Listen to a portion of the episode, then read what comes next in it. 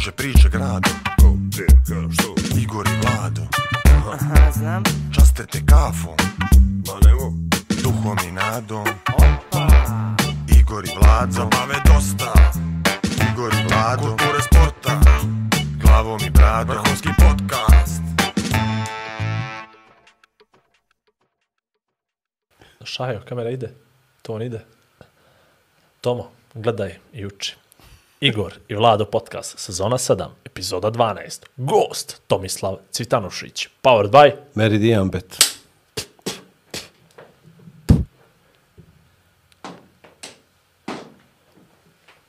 Ne, tamo. Znači, prvi put da gostu sve nacrtamo, objasnimo. Ovo je 90 i nemam pojma koja epizoda. I ono, no, pa. Da li je to što dolazi nam iz bratske... Prvi, jel? Ono mi Bosne prvi autohtoni bosanac i hercegovac. Sad, to ćemo da vidimo. Inače, Tomo je baš poznat po tome da jako dijeli ljude po tome gdje su rođeni, po prezimenu, Jel? po, jeste, dijeli ih po tome, po, po, po vjeri, ne samo po vjeri, po naciji. Znači, znači zna sve. idealan ovo za popis kod Ide, nas. to je, to je, to je jedna fantastična, jedna Stavit ćemo fantastična ga čovjek, pravi. Kod njega je sve važno, njemu je, njemu je strašno važno ko je prvi u nečemu, stalno potencira na takvim stvarima. Ono, voli, znaš, voli nekako podjele. To je po tome baš A ne poznat. pobjede. A ne pobjede, e.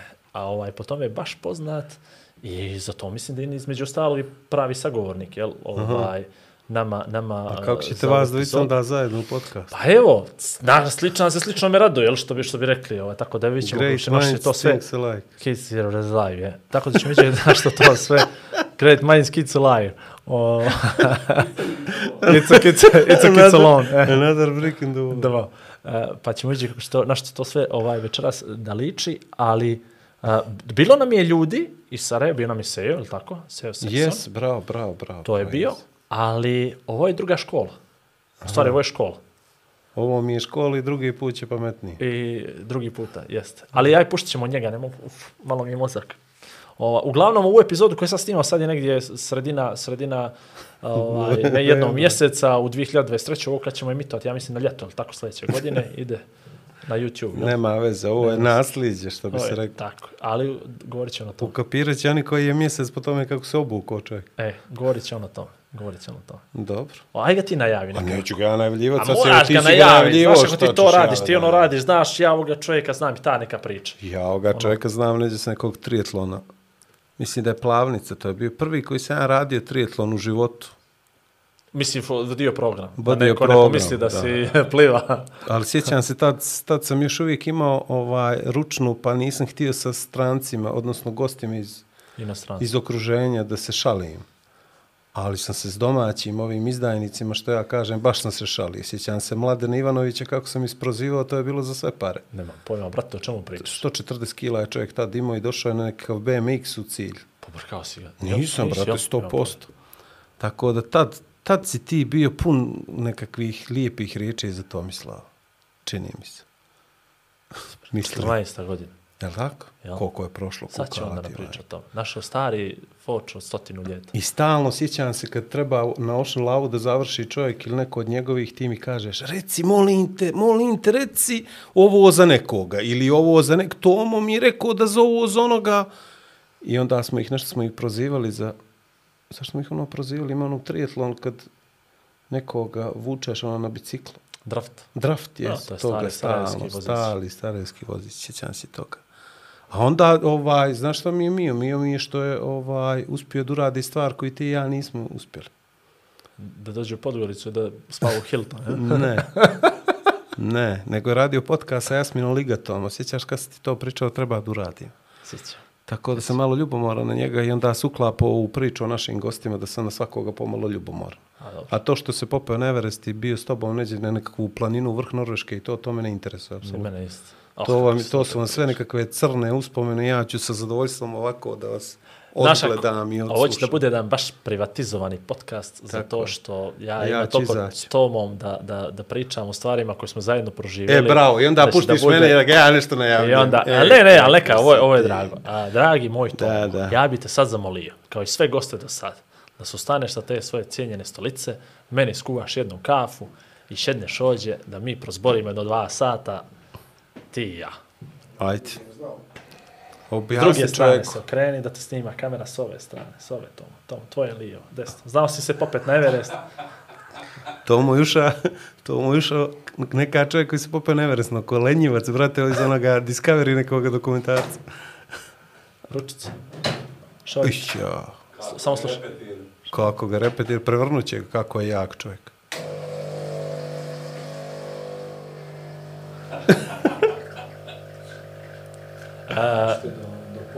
Do pola, do pola. Slobodno pričaj glasnije, nemaš mikrofon blizu. Hoćete do pola? Do pola, do pola, Tomo. Kako si tvrd na uši, moj majer. E, da goće jedno ovaka, Tanjirić, Tanjirić, samo Tanjirić, s ove strane. Samo Tanjirić gore, molim te. da goće makar jedno ova kafa povest na pola podcasta. U pomoćne prostorije. Pare bi dao. Gdje si bolo Tomisla? O, kako je ljudi. Radni narod. A, Boli li te to od Everesta nešto? Um, ma nećemo početi sa kuknjavom. Jeste, boli me, boli me, ali još uvijek sam, ovaj, još uvijek sam uspješniji u sportskim rezultatima od, od gospodina Majera. ali I to je onda samo... sva, sva bol brzo prođe. jel? Sa bol ovog svijeta i Ima, ako budemo došli do toga, ako budemo došli do toga, a volio bi da ne dođemo do toga, pa Ja normalno, bih da, normalno da bi pričao volio da ne dođemo do u kakvom sa stanju psihofizičkom ja tebe sreo zadnjih šest kilometara na Norsmenu, kako sam se zažalio nad sudbom tvojom kletom, da te ja sad stižem u cilj prije tebe da uđem, ali ajde da nećemo Koliko je puta to nama ispričao, ti pojma nemaš. Možda bi lijepo bilo da ispriča i gledalcima i Kako da... kažu, svaka laž koja se ponovi sto puta na kraju postane istina. Gebels, Majer, to mi je što je- blizu. Ja, onaj igrač njemački. A, Austrougarski, ja ja, ću jednu stvar kažem. samo sada kažem, samo jednu stvar ću da kažem i onda ćemo da se vratimo na, na naš početak ovo. Jedna od najfascinantnijih stvari koja je mene i Toma spajala, a puno nas je puno spajala u zadnjih, evo skoro će i deset godina, ovaj, najfascinantnija je Norseman na kojem smo bili, na kojoj sam se ja odlučio za jedan meditativni pristup startu, gdje sam ja došao na palubi, stao tamo, posmatrao druge ljude, Tomo je pošao naravno u VIP galeriju, neđe se popeo gore na trajekt, dođi bola, haj gore, parti, žurka, nema pojma što je bilo gore, ja sam htio da budem Ima potpuno od njega. bombica. Bilo džabe da se jede. E, nisam, nisam To htio s njim, nisam htio, htio sam ono sam da budem tu, to je moj trenutak. Skočili smo u more potpuno odvojeno, ne sjećam se uopšte njegovog skoka s trajekta, ne sjećam se, nisam ga vidio na start, pazi, to je ono 250 ljudi, kapice iste, svi nemaš pojma ko je mrak. Ninja i to. I plivamo 4 km do obale, bilo je hladno, more, bilo je, nije bilo nešto sad toplo. I zadnjih, ja sam lijevo ruk, on je dešnjak, ja dišem na lijevu stranu kad plivam, on diše na desnu samo kad pliva. I uradili smo te zadnje dvije krivine i plivamo za njih, ja ne znam, 100 metara, 100 metara od cilja, od izlaza iz mora, ja kako dižem glavu vidim i vidim bradu sijedi. Jer sad ima dosta starih ljudi poput njega tamo na Norsemanu, pa rekao, možda je neko. I dišemo, ali nije sad to, nego kako plivamo na, na drugu u isto vrijeme. Svaki put gledamo jedan drugoga. Šaje, jedno- samo sekund, sa- šaje, pušti s Titanika muziku, molim te. My I dreams gledamo are- jedan drugoga i, i ja, evo, mislim, ja to mogu da pričam koliko voliš, jednom počinjemo da se smijemo. Znači, ne mogu da vjerujem od 250 ljudi koje plivaju, da ja i on isplivavamo 4 km u istoj sekundi, na istu dišemo jedan pored drugoga i smijemo se jer uspjeli smo. Znaš, to je onaj moment, nađe si ti na Norsemanu, gdje, gdje sve to, kako smo došli do toga i to, i izlazimo i fotografija, bukvalno nazvice, izlazimo iz vode jedan pored drugoga i do cilja se nismo gledali više. I onda smo se u cilj našli zadnjih sat vremena, familijarno i to je bilo, ali taj put, znaš, taj moment, to nešto je bilo baš Jel prećero posebno. tom? Ma jest. Šta je sam li? Nisam čuo što Prvo, tu, možeš zamisliti moje duboko razočarenje kada sam ja 100 metara prije cilja vidio da je on pored mene. Mislim, to je, to je, to je jedan neuspjeh koji dan danas ne mogu da prežalim. I taj izlazak, ja nisam shvatio emotivno, ja sam ovaj, više onako takmičarski nastrojen, tako da sam odlučio bio da, da odem na biciklu, da, da ga više ne gledam. To je logično. Ja te potpuno razumijem, znaš. Ja ne znam o čemu on priča. A ti si, Tako ćemo ti Stanišić, jel? tako, ti, li tako? ti si pao u prvom tunelu s bicikla. To je druga priča. No, nije smiješno. Mo- Može, možemo otvoriti tu priču. Ne, ne, ne, možemo da pričamo o tome, nije nikakav problem. Sve padu, stao sam se, završio sam Norseman, sve okej, nikakav problem. Jer za svaku tvoju priču ja ću zraditi sa, za svaku vidiš, tvoju moja- pet naših. Ali vidi, ova naša priča je trebala da bude fina priča, da nas uvede u jednu priču, melaholiju, to sve. pa dobro, to je realno. A ti si meni rekao, evo, ništa, meni to ništa ne znači, to što sam ja s njim isplivao, za mene to poraz, jel? Dobro, zato ja imam fotku s Norsemana, gdje sam ja plivam, gdje je mene Kaj Joto fotkao, ti si tamo nebitan lik u pozadinu. Eto, to ti je to, to ti je... meni, je, meni je trebala fotka sa Norsemana, ja sam mu poslao mail. A on je rekao 80 dolara. Ja mu kažem, help Bosnija navode. Ima li, ima li ono, mislim, da idemo neka, Bosnije. pa neka donacija, ne, ne, ne, neki popust, mislim, loše stojimo. Kaže, on, moram ja od nečega da živim. I nije popustio i na kraju sam mu platio, jer trebala mi je za garažu nam, sa trajekta fotografija, tako da. A se poslije šerova svima stavio besplatno da ljudi skidaju, ono, plati jednom 80 Osveta, svima. i- osveta se služi kao hladno jelo, tako je. Od, od sutra su je svi imali šerovano. Super. Ovaj, a, ali mi reći, ajde, ovo, Biće ovo teško. Majer neće nikada kaže šta, šta je njega stvarno načeralo da se bavi ekstremnim sportovima, odnosno triatlonom konkretno. je, Ovaj, kad, i- kad je kod tebe proradio taj moment prvi da kažeš ja bih ovo probao? Pa vidi, mi smo, mi smo se skupljali, mislim, ono, igramo futbal, košarku, to su kao neki ti termine. I kako idu godine, biologija radi svoje, onda nekoga boli kuk, nekoga boli leđa, neko mora tetki lijek da odnese, ne, neko opravo kosu, ima ga prijatelja kad opere u kosu subotom, do ponedeljka ne izlazi iz kuće, jer da mu se ne okrenu usta. Sad će čovjek tako misli, Preza, a? sloboda, sloboda je divna stvar. I uglavnom, onda fali ljudi. I onda sam se okrenuo I onda se skraćuje sa onda termina se- za futbal na basket, pa stoni tenis i onda veli... Samo individualni sport. Samo individualni sportovi, onda u tim, individualnim sport, u, u tim sportovima nekako samo to trčanje, pa taj triatlon. Onda sam čuo za ovu neku trku što ima u Crnu Goru. I, u stvari mi smo se upoznali u... To je bilo negdje nekada u Tivtu, neka trka mala je bila nešto. Akvatlon neki. Triatlon je bio sprint triatlon. Nisam ja bio to. U Tivtu, jesi, jesi. I, i tu, smo se, tu smo se mi upoznali i ovako na prvo nisam, nije, nije mi izgledao kao Kad, neko ko je sposoban da, da vozi biciklo, da trči, da pliva. Kada smo se mi upoznali? Šta A pričaš vidiš, ti? čovjek se prevari to. Pogledamo ga. Magara, a- Jesmo, a- jesmo, jesmo, jesmo u kafiću, u Tivtu smo se upoznali. A, večer nakon trke i ti si tu pričao sa puno entuzijazma o triatlonu. To ti je akvatlon bio ti. Sad se sjetio, sad se sjetio. A znači bio si- dobro, dobro, dobro, akvatlon dobro. ako, sa, ako ja plivam i onda vozim biciklo tamo Nismo negdje- uzeli biciklo u Tivtu. Ja nikad nisam radio triatlon u Tivtu, zato ti biciklo. pričam. Radili smo triatlon na Kalardovo, Ja ne znam gdje je nisi, to. e, Ima, to, to ti pričam, ima to to na Google Maps. Ali to su, to su bile lige crnogorske. Ja mislim da smo čak trčali u Porto Novoj, da, da se trčalo. Montenegro. To ti je akvatlon bio. Plivali smo i trčali smo. Nije, pa plivanje vozio... Brate, nisam vozio nikad biciklu Ja znam gdje sam vozio biciklo. Dobro, onda si ti radio izađeš pa desno na cestu, pa desno i pa neka pista, nije neki aerodrom, nešto tako. Da, jeste. Jel? Bilo, bio je triatlon, da, da, da. Onda, nemam pojma, ne sjećam se. Okay. Pa prepostavljam, nisam pa, bio. možda ga ti nisi organizovao, pa zato i ne znam. Ne, ne, nisam učestvovao. O, onda se nismo mogli vidjeti ako nisam Nisi učestvovao. učestvovao, ti tamo samo hodao i nešto si, sa, nešto si objašnjavao. Nisi si učestvovao, nisi si organizovao. Ne, ne znaš šta si tamo radio.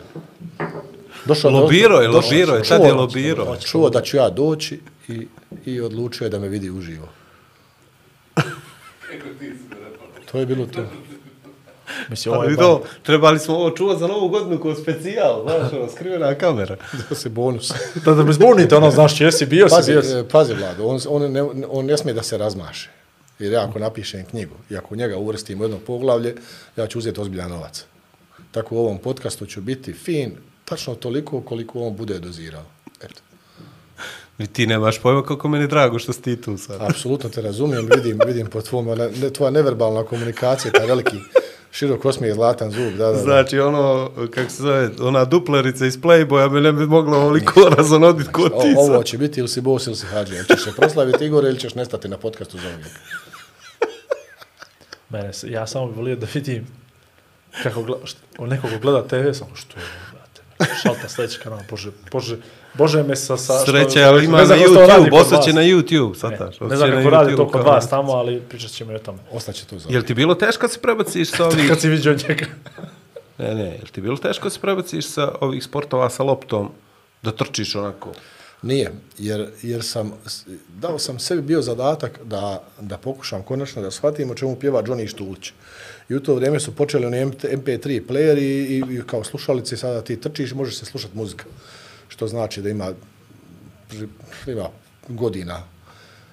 I onda sam ja pokušavao da shvatim te, te neke njegove pjesme koje nisam shvatio kao mlađi ranije i nisam dok učio. O čemu, ni sad. o čemu razmišlja opisano lice dok zuri u tvoju ženu. Da, sad to, sada to, to je ovako vrlo onda jedan kilometar, pa drugi, i tako onda sam došao do polumaratona, pa do maratona, onda kad sam vidio da maraton nije mi to interesantno, ajde da vidimo sada taj triatlon, da vidimo šta je.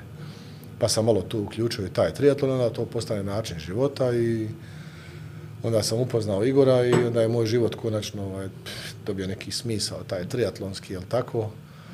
I onda je bila Ocean Lava, Kotor i onda svake godine ja sam bio, ja sam bio tu među, među tim pionirima koji su dolazili iz Bosne i Hercegovine, ne, ne Titovi pioniri, nego pioniri triatlona. Ali smo došli u situaciju sada da, da iz Bosne i Hercegovine dolazi puno mojih prijatelja i prijateljica koji radi triatlon u Crnu Goru. I, a plavnica je bila posebna priča. Jer ja mislim da si ti prozivao u plavnici, da je kod tebe je bio mikrofon. Ja sam u plavnici bio ovaj, u jednoj fazi trke kada se silazi iz bicikla i ide se trčati.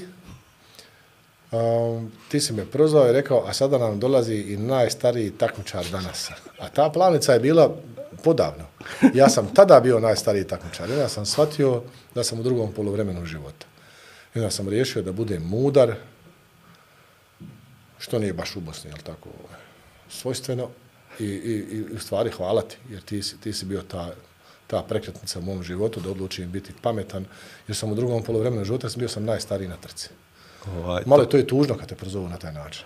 Nije, znaš kako, ja sam baratao A sa sada malim... najstariji takmičar iz Bosne i Hercegovine je Tomislav Cetanović.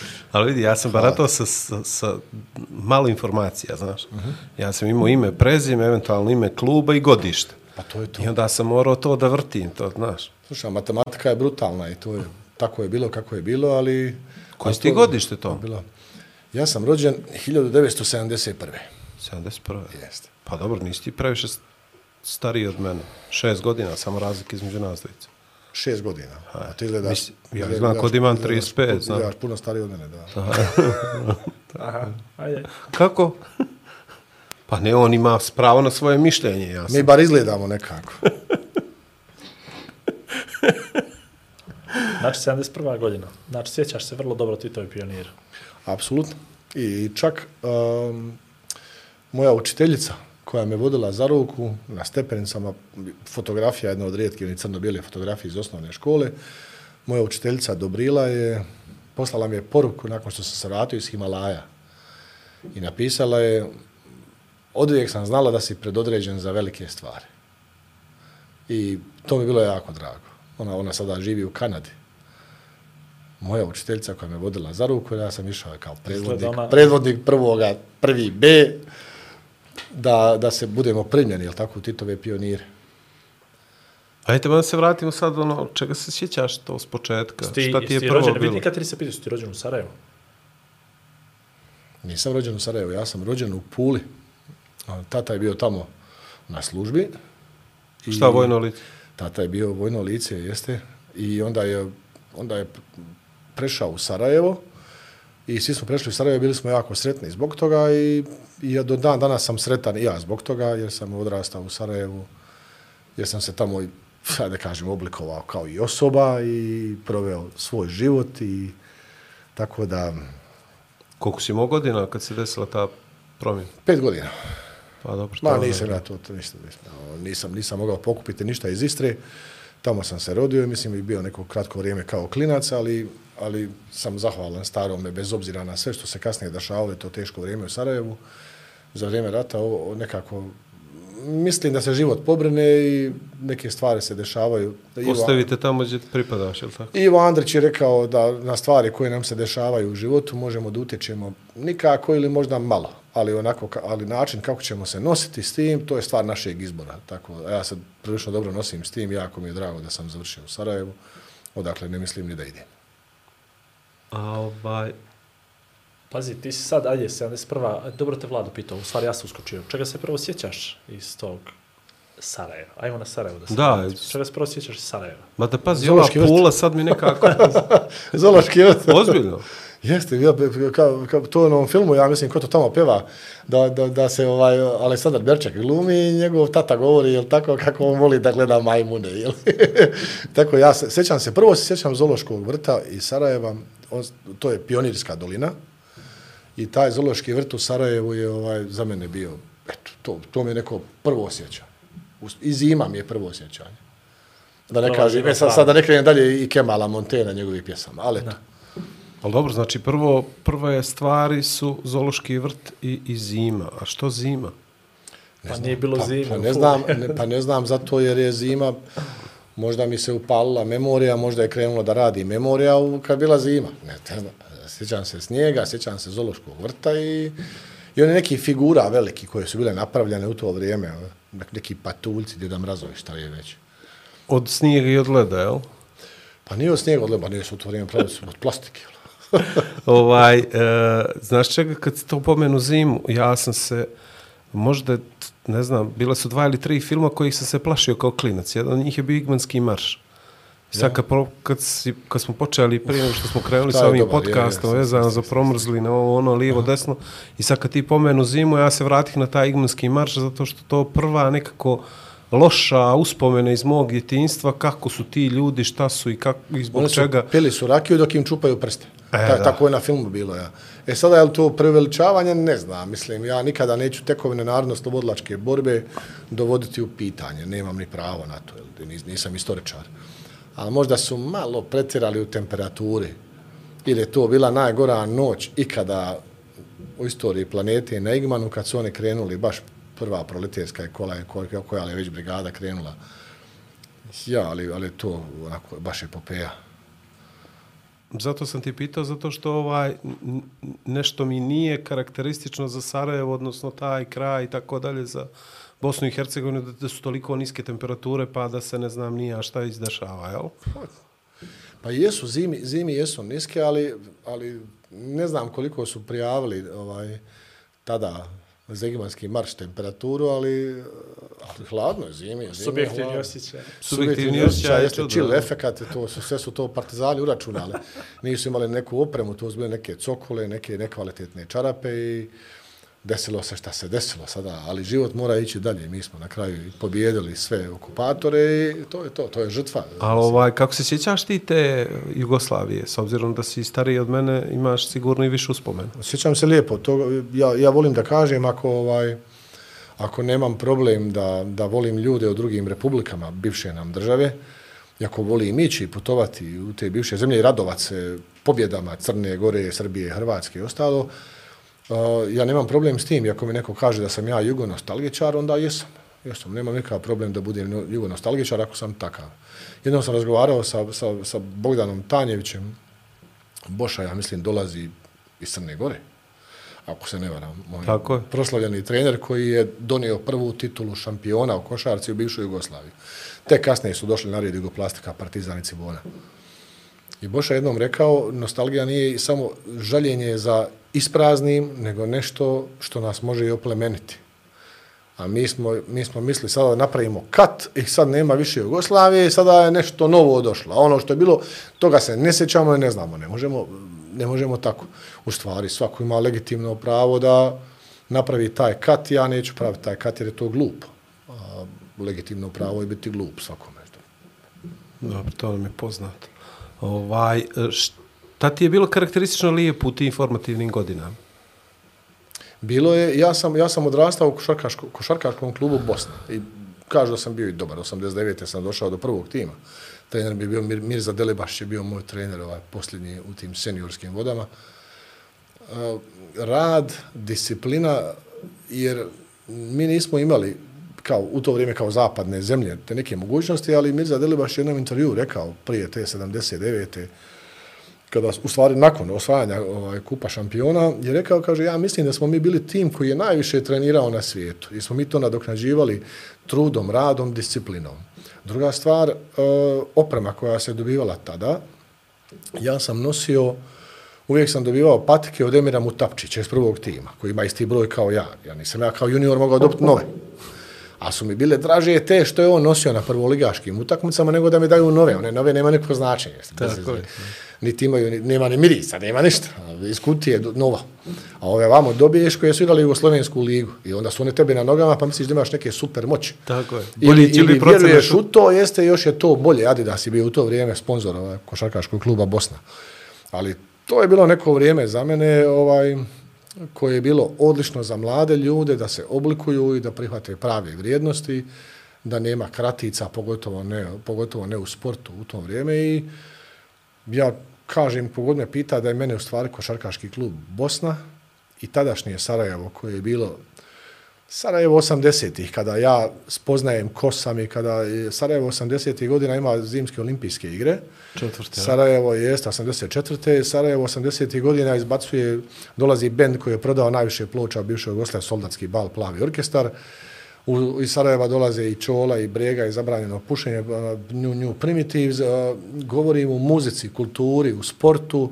Film. Da je, da, je, da je to bilo nevjerovatno. U filmu pojavljuje se Kusturica sa, sa Doli i Beli, onda ide otac na službenom putu, idu, idu, idu ti sjajne stvari koje se dešavaju.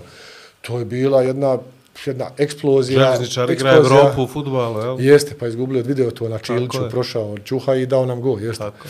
Ali, ovaj, dobro, to je tako, to je tako život. Ali nevjerovatna eksplozija na jednom malom prostoru, fantastičnih stvari koje su događale, tako da uz dužno poštovanje svima, mislim, ovo je lokal patriotska priča, ali mislim da je bilo Sarajevo najbolje mjesto za odrastanje 80. godina u regionu. A s druge strane, opet, Sarajevo je mali Jerusalem, zato je to jedino mjesto na 100 ili 200 kvadratnih metara, nisam siguran, gdje se nalazi e, sinagoga, džamija, katolička crkva i pravoslavna crkva. Smješteni su 200 kvadratnih metara u centru grada. I problem je to bio što što kratkovidost i ili možda neznanje ili, ili neukost. Više su nas doveli da to nismo da smo to počeli posmatrati kao problem, a ne kao prednost. Ne možeš teški tema. Ajmo, sljedeće pitanje. Ovaj, ajde, hoću te pitam. je, ne vidi, pa ovaj podcast je i napravljen na teškim temama. Mi smo se podigli iz pepela na teškim temama. Lako Da, da, da, je sad plivat na... Tako je, slavi popularnost na ovom talasu. na Ajde, talasu. ja prije nego što Igor krene, eh, hoću da mi se vratiš na Mirzu. Mi o Mirzi mnogo pričamo, stalno se vraćamo na to da je Mirza, Mirza, Mirza, Mirza, Mirza, ali malo ljudi imamo sad već koji su ga znali i koji su radili s njim. E sad, tu mi se javljaju dvije stvari koje bi volio da, da, da mi kažeš. Prvo, koliko ste trenirali dnevno, to mi je interesantno, i kakav je bio on čovjek, kakav je bio stručnjak, na kojim postulatima se napravio taj najveći uspjeh, jeli, ovaj, koji se, koji se, odnosno na kojim postulatima se napravila ta legenda o Mirzi Delibašiću na kraju. Prvo da kažem, zašto ja nisam postao košarkaš? Kriv je Crnogorac. Zdravko Radulović u to vrijeme igra jedinicu u Bosni i on ima nevjerojatne fizičke predispozicije.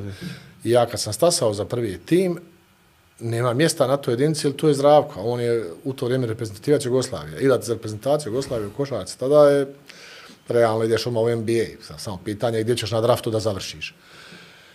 Tako da meni su ponudili da idem u neki drugi tim ili da služim vojsku. I onda sam, ajde rekao da služim vojsku i onda Možda završim, mu se završim u Crnoj Gori, u Kumboru, da služim vojsku. Ne mogu zbog Radulovića da idem, ili Radulovića, Radulovića, ja mislim. Radulović, je, Zdravko Radulović, ne mogu zbog njega da igram košarku, onda me šalje u vojsku, a u vojsku idem u Kumbor. I tako da je meni Crna Gora u, isto tako ostalo jedno divno sjećanje što se tiče A ja moje jučer karijere. govorim, objašnjavam mu ja. i pravca. Ja mu juče objašnjavam što je mamula, da se nalazi na, a on me ovako sluša. Jeste, devet mjeseci sam ja to sve Da, gledao. bravo. Ali što se tiče Mirzija Delibašića, pa on je bio sinonim za, kako bi to sad rekao, njegovo ponašanje na terenu, njegov odnos prema ljudima. On, on je bio pravi filozof u to vrijeme, drugčije je razmišljao. Baš je, baš je, baš je drugačije razmišljao. I nekako mi, mi smo u to vrijeme imali uzore. Mladi sada nemaju uzore. Na koga će se sada mladi ugledati? Tako je. To je bez veze sve. U to vrijeme smo imali uzore i onda su, oni su bili šampioni Evrope. Kad su postali šampioni Evrope, cijelo Sarajevo, svi klinci hoće da igraju, da igraju košarku. Logično, da budu i oni šampioni Evrope. Rezultat je a, lijep, a, tu je? ekipu, a tu ekipu nosi jedan Mirza Delibašić i koji je on je proglašen za najboljeg sportistu Bosne i Hercegovine svih vremena, to je, to je zvanično, ali je to bila zaista privilegija i čast ovaj, trenirati. U Bosni se radilo puno, Bosna je bila poznata po tome ovaj, da, da, da se radilo žestoko, na fizici najviše. Ona, on, ona generacija koja je postala i kasnije bila najveća u bivšoj Jugi, kad su postali juniorski prvaci svijeta, njih su vodili eh, Svetislav Pešić Kari, koji je proveo skoro cijelu karijeru trenersku prije u Bosni, koji je vodio Tako Bosnu i bio je dio te šampionske ekipe, za ljude koji ne znaju, i profesor uh, Milovoj Karale, Karalejić. Oni su piročanci. Jedno je bilo zabavno slušati kada, kada na treningu daju instrukciju, odmakli se tri metara i padeži i ostalo. Pa i dan Ali, danas. I dan danas. Ali evo vidimo gdje je sada i, i, i, i Svetislav Pešić, šta je sve uradio. A sve to ima neke veze sa Sarajevom, neke magične veze s tom sredinom. Profesor Karlejić je predavao. Oni su napravili te juniorske prvake svijeta koji su kasnije poslali najbolji igrači na svijetu. Dio priprema su divac, završili na pa, Jahorini. Tako. Divac, Paspalj, Danilović, Kukoč, Rađa, to je ta ekipa. Same Iz Bormio 87. Bormio, jeste. Bormio, dio, na kraju su završili na Igmanu. Pripreme je snimljeno na filmu. Ona je 250 stepeni. Jeste, pored skakavonice olimpijske. Tako da, to, to je sve bila jedna privilegija, jedna velika i sreća biti, biti u tom okruženju. Mada je dan danas smatram da je sreća biti ovaj, i da je to veliko blago biti, biti u Sarajevu. Ta, ja to tako doživljavam. Mada sam ja nepopravljiv optimista, pa nisam siguran koliko sam ja baš i pravi medij. Dobro, sad da mi je mnogo lakše da razumijem kako si ti iz sporta timskog i s loptom prešao da radiš ove ovaj sportovi izdržljivosti. Patnja. Patnja. Ja sam naučio da, da volim patnju jer smo imali kondicionalnog, imali smo kondicionalnog trenera koji je bio vojno lice. I kondicioni trener koji je bio vojno lice, bio plavac, bi rekao kada kažeš ne mogu, to je subjektivno, kad povratiš, to je objektivno. Ko će ovo si ono to je bilo, To je bila kondiciona priprema. Eto, toliko. Ništa hard kada, kada nema Nešta. hard. Znam kad ja. Kad naučiš, znaš se i pati. To da, Znam ja neke ja sam diplomirao su... patnju. Ja, ja sam doktor nauka za patnju. Docent doktor. Znam na ja neke koji su pokušavali da prevare patnju tako što stavljali dva prsta u usta da, da im pokažu da je gotovo i to. Nismo u to vrijeme, ne, ne, ne bi na pola napamet bilo šta prevarti, ali bi posljedice bile strašne. Ja, sam, ja sam jednom na utakmici pokazao srednji prst kao junior igrač protivničke ekipe. Mene su pozvali sutra dan u klub na razgovor, gdje su mi rekli još jednom tako nešto napravim, da sam završio priču u sportu. Ja sam se bio prepao, bio sam na rubu suza pokazati srednji prst protivničkom igraču. Tako je. Zovnuli su me u klub, su me zovnuli i pamtim danas kome zvao, zvali su me Šićerović i Dervo, oni su bili upravi kluba i rekli su, vidi, dobar si, ali u Bosni se to ne radi. To je ono što fali danas, znaš, da znaš da ima od nečega da se ispak malo plašiš, odnosno da poštuješ autoritet neki, odnosno da ta kaznena politika fercera, da kad imaš kaznu, da, da. da je neko sprovede do kraja. Ali imali smo, imali smo, to su bile vrijednosti i mi smo odrasli u tim vrijednostima ja sam jako sretan što sam bio ta generacija i ja sam kasnije te vrijednosti mogao pretočiti u svaku u bilo sferu, šta. u bilo šta. Da. To možeš preslikati na poslu, to možeš preslikati u porodici, to možeš yes. preslikati s prijateljima, da se penješ na neku planinu, da radiš triatlon, sve kad si ti naučio, kad imaš te temelje i to su neke osnovne stvari, kasnije sve možeš da radiš. Tako, to je super priča za sve ove generacije koje se ovaj, koje odrastaju na sat i 15 minuta treninga i misle da su Messi i Ronaldo. Problem je što oni nisu krivi, nego su nisu, takva, nisu, nego takva su vremena. Ja, ja sam, sad je Google, ja sam morao da čitam da bi, da bi mogao da ispadnem pametan kada pričam s nekom curom. Tako. A, a moralo se neka čitati malo i više, znači, mislim, zavisi od interesa. Zamisli koliko strane. sam ja morao da pročitam na ovu ljepotu. To, ja. Što je najgore to, to, je, to, to je obrnuto proporcionalno. što je najgore od svega, ti počneš da čitaš, a ne znaš je to valja dok ne dođeš do kraja. I te kada shvatiš kako si pogrešnih informacija unio u sebe. I nekad je nama, sjećam se makar mene, dok sam bio u tu srednju školu i osnovnu i srednju, čitao sam neku literaturu kada do, ta dolazila do mene i tad nisi mogao baš da razumiješ naučnu fantastiku ili full naučna fantastike, ali ima prizvuk nekakvih paranormalnih pojava, nego si ti slijepo vjerovao u to što pišu u knjigu. Ok, nisu sad bitni zemaljci te stvari, ali pričam sad o nekim pojavama gdje na, na, najgora stvar ko, kada ti objasni takve stvari. A najgora učiš. stvar koja se može dogoditi mladom čovjeku je da, da s nekom curom hodaš i ona ti pokloni knjigu za rođendan. Moraš je pročitati. Moraš da čitaš to. jer ne znaš šta će te pitati. To ti isto kao lektira. Ne znaš šta će te pitati. Šta misliš o onome e, liku, o, o Igoru koji je kasnije otišao mm. tamo, šta misliš, kao, je li to moglo? Sada ti ako nisi pročitao, na Google mm. nema sažetak, nema, ne, ne možeš naći ništa Nije online. sniman film po tom. Jeste. A ja sam Da. dobio, a ja sam jednom dobio knjigu Čizmaši. Uf. Čizmaši, to je bila neka Ninova nagrada. Ta knjiga je, neću reći debela, jer kak svinje su debele, knjige su opširne. Ali ovaj, dobio sam tu knjigu, ali bilo je jedno 200 strana. Ili, ne, ne znam. Uzeo si knjigu i rekao koliko ja, Ništa, ja koliko, sam se, što bi ona ja sam znači u životu. zatvorio, ja sam morao da izvagam, ili ću ja to da čitam, ili da ja propadnem vamo s druge strane. I odlučio sam da pročitam i nije mi žao. Prvi svjetski rat je tematika, ja mislim da se sjećam još uvijek. Ali te goba. Koliko si je volio. Bilo, bilo, je- bilo je nekih knjiga koje nisam, nisam ni shvatio. Ja sam...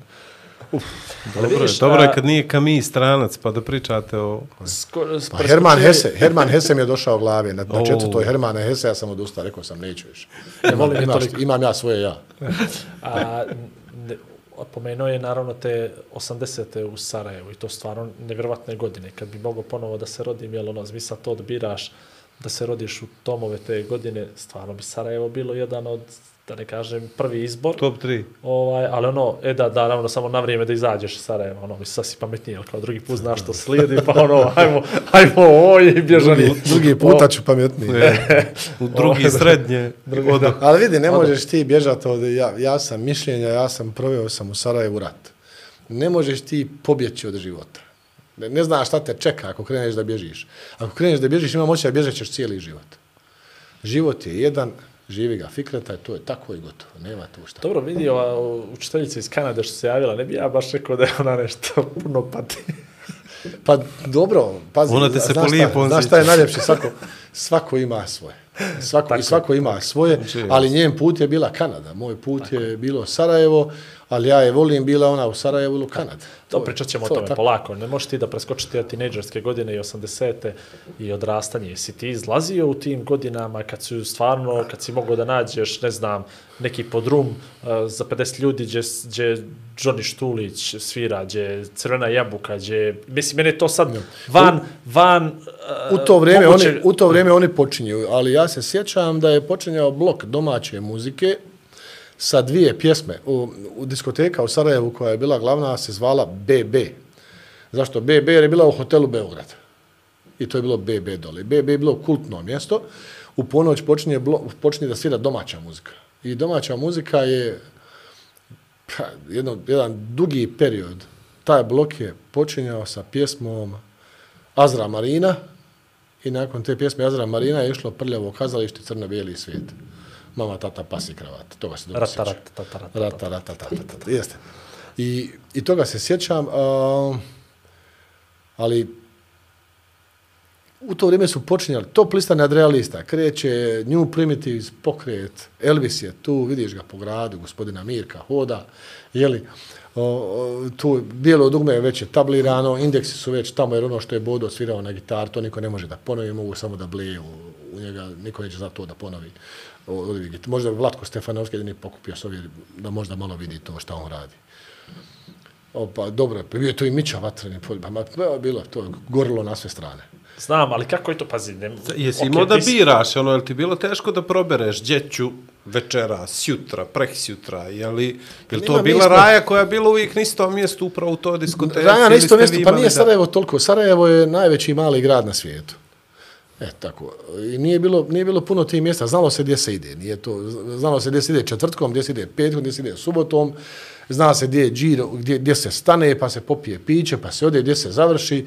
To kretanje vrlo teško se poremeti. Ja ovdje govorim o tom nekom urbanom svijetu, jer ti ako nisi pročitao mi djeca skola dvora zoo, nisi mogao u tu ekipu da hodaš. Da uđeš, da. Nema to ući, to, to su ti kvalifikacije, nema šta. Herman Hesse je već debela nadogradnja. Ali, ali govorim u to vrijeme kako je to interesantno. Mi smo morali smo da čitamo iz inih razloga. Jedan od razloga je bio i taj da budeš konkurentan na tržištu. Znači, ako si glup, ne, misli, ako nisi ništa pročitao, nemate na mapi. Šta se sjedi kući, plače, neće niko s tobom ni da priča od prijatelja. Bar, bar onu bazu neku pokupiti. Ivica i Marica se nisu računali i modra spilja, ja. I uglavnom, to je, to je bio taj nekakav krug u kojem smo se kretali, a onda, onda isto tako imaš dojam, ti viđaš po gradu, jer pazi, u Sarajevu nikad nije bilo veličina. I Sarajevo je vrlo interesantno. Okruži urbana legenda. Kad je Ivo Andrić prošao glavnom ulicom, smo dobacivali halo pisac. čuj halo pisat, čovjek je dobio Nobelovu nagradu i poklonio milion dolara bibliotečkom fondu Bosne i Hercegovine. Ili Ivo Pogorelić, ha- halo svirač, da, mislim, ono, kad dođe u Sarajevo. Brega nikad nije bio, Brega je bio svugdje zvijezda osim u Sarajevu. Priča nam se jo. Dogodovštine. E pa to, pa on to, on to, on to, on to bolje zna. Tamo ne možeš biti zvijezda. Ako si zvijezda, onda, onda propadaš. Nisi, mislim, ne, ne, ne priznaju te. Moraš Ako biti si normalan, zvijezda, brzo običan. ćeš da sagoriš. Običan moraš biti normalan, tu proći, budi zvijezda u Zagrebu, Beogradu, ali u Sarajevu ne možeš biti zvijezda, pogotovo ako dolaziš iz Sarajeva. A ti antagonizmi, pričao si prije o četiri religije i tako dalje, ali opet e, ima, na primjer, Sarajevo, to je jak antagonizam Sarajevo željezničar, na primjer. Uh -huh. Je li to razdvajalo ljude ili spajalo, ili to, kakve su to bile priče, kako je to Pazi. izgledalo tad? Postoje fotografije iz tog vremena, najbolji strelac, FK Sarajevo. Većina ljudi ga zna, ovaj, se sada jedna od najpoznatijih čevabžnica na Baš Čarši, Ferhatović, je li tako? Ferhatović. U stvari Hase Ferhatović, Hase, a u stvari pjesma Nedelja kad je otišao Hase, Hase na kušenje. pravo Jeste. Jeste. Hase Ferhatović, znači igrač Sarajeva svih vremena i s druge strane da kažemo da je to možda Ivica Osim i FK Željezničara, oni su, oni su se družili između utakmica, međusobno. Nisu nikada, nisu nikada navijači Sarajeva željeli da Željo izgubi od Hajduka ili Zvezde ili Partizana iz te velike četvorke, jel tako, ili budućnosti, ne daj Bože.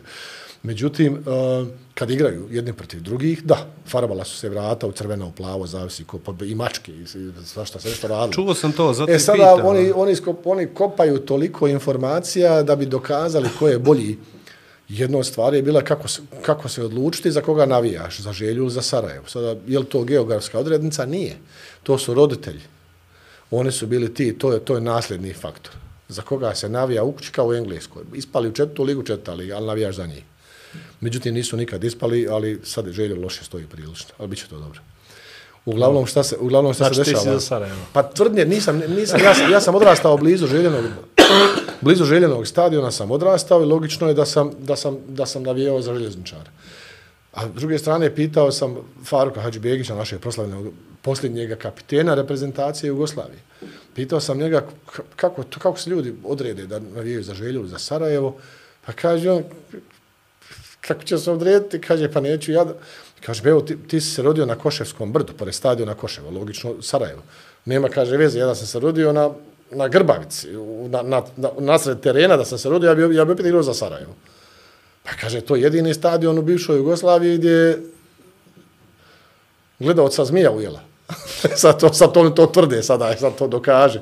Ali to, to, je, To je to je priča navijača Sarajeva. tako. Jest, a Sarajevo opet formirano 48. dekretom. Šest najboljih igrača i želje mora preći u Sarajevo da bude formiran klub Torpedo. On to kriju ko zmija noge. Ko ona zmija što je ujela gledalca na. Grbavici. Jeste, to je to. Tako je, tako ima. Pa zato kažem, ima baš mnogo priča nekih koji su vezani za taj rivalitet, a opet kad pogledamo sad kakvi su neki rivaliteti i ođe crnogorski lokal patriotski ili ovi XU, Zvezda Partizan, Dinamo Hajduk i kad Ti su pogledaš to kako je tad rivaliteti bilo... imali duha. Tako ti su je, tako je, rivaliteti tako. imali, to je romantika. I kada ti živiš za tu neku zajebanciju, da to je duhovito, to ima smisla. A sada se oni potuku, što je totalno besmisleno. Mislim, fizički, isto, to je isto majmuni. Mislim, ne znam, ne znam kako treba jasnije da se... Ni, nisam ja sada kao ono Gandhi, ne, ali, ali da se ljudi tuku, to je meni onako, poglupo gledati, kao malo nešto drugo. Oni se sad tuku fizički. Tako da me to više ne zanima. Tako. Znači, burek sa sirom je jedna od boljih povika. A ja sam to, ja sam to istraživao, da, da, da, to je bila kao, kao navodno ide provokacija na to, međutim, pošto Google, vrijeme Google-a nije, to nije pisao, Hesse nije opisivao burek sa sirom, nego Google ga je kasnije opisao. Burek sa sirom je korektno reći. Ja, evo, dovoljno sam hrabar da kažem u ovom podcastu koji gledam I da se vratimo Ovo u Sarajevo. nije gledao. na pola planete, ja se mogu vratiti sad u Sarajevo. Burek sa sirom je ispravno reći, kao što je ispravno reći i burek sa mesom. To što se u Sarajevu tvrdi da je burek isključivo ono što je s mesom, a sve ostalo su pite, uh, ok, ali ar, argumentacija, argumenti i činjenice su na drugoj strani, burek sa sirom se može reći. Ja mislim, tvoj budući podcast, odnosno tvoj podcast koji postoji, da bi dostigao veličine našeg podcasta, treba samo da se premjene u burek sa sirom. Burek, burek sa sirom podcast. I to je sasvim dovoljno da izazoveš ljude. Kontroverze. da A dobro, ali to bi, to, bi, to bi isto bilo, znaš kako je to burek sa sirom, nije to toliko duhovito tamo, to bi isto bilo kao kad bi ja sada vama kao pričao, kao vic kako su crnogorci lijeni, znaš, mislim, to ono, To- ispravno već, mislim, to znamo. I šta sada da pričamo to o tome, da, stanje, to nije da, to, da to vrtimo stalno, zna se, mislim, narod Jugoslavije znalo se ko je glup, ko je lijed i tako, ali nećemo o tome. Ko je škrt? ko je škrt? ko je, I ko ko mrzi Hrvate. Ja. To se vas Ne, ne, znalo se i ko je, ko, kaže, ko, znalo se ko Kaže je, se ko ne ko je, ko je hinja, ko će, ko će iza leđa da, da ti priđe. ovaj, ali ovaj dio 80-ih i nekako si mi to, mislim, ne, nisi mi preskočio, ali strašno me interesuje. Mi smo imali po 13-14 godina, 15, kad smo prvi put izašli 16-17, ti si bio te najljepše tad godine, kasne 80-te, kad se najviše možda imalo i financija i... i Imali smo banane, Ante Marković, da, pa, pa, ja. Ne, ali kako je stvarno tad i- i- izgledalo to? Mislim, možeš li da se sjetiš nekog koncerta, nastupa, nečega, nisu to bile samo... Uh, Elton John je svirao, Elton John je svirao u Sarajevu. Pa pričaj nam. 80. Pa šta ću pričati, Elton John došao u Sarajevo, svirao, to je sasvim normalno. Mi smo bili, mi smo se sada, znaš kako, u ljudskoj je prirodi da ti misliš da si u pravu, da misliš malo bolje o sebi nego što to zaista jeste, zato je ogledalo fantastična stvar, ponekad ga iskoristilo se pogleda da vidiš šta je s druge strane, ali uh, definitivno te 80. godine, kao što sam rekao, osim ti domaćih stvari, tu se dešavalo fantastične stvari u sportu, i veliki koncert, i, i Čola je došao gdje treba da dođe, evo, dan danas pjeva, ali ne, ne znam šta više da kažem oko tih 80. Mislim, imate olimpijske igre, onda tamo Uglješov zelac maše onom zastavom, onako, on korpulentano, pa onu zastavu veliku, pa Sanda Dubravčić pali baklju, pa Juan Antonio Samaran, koji je kasnije proglašen za počasnog građana Sarajeva, jeste zatvara to najbolje igre ikada, a onda sam ja kasnije čuo u stvar da niko nije htio, te igre bilo preskupo.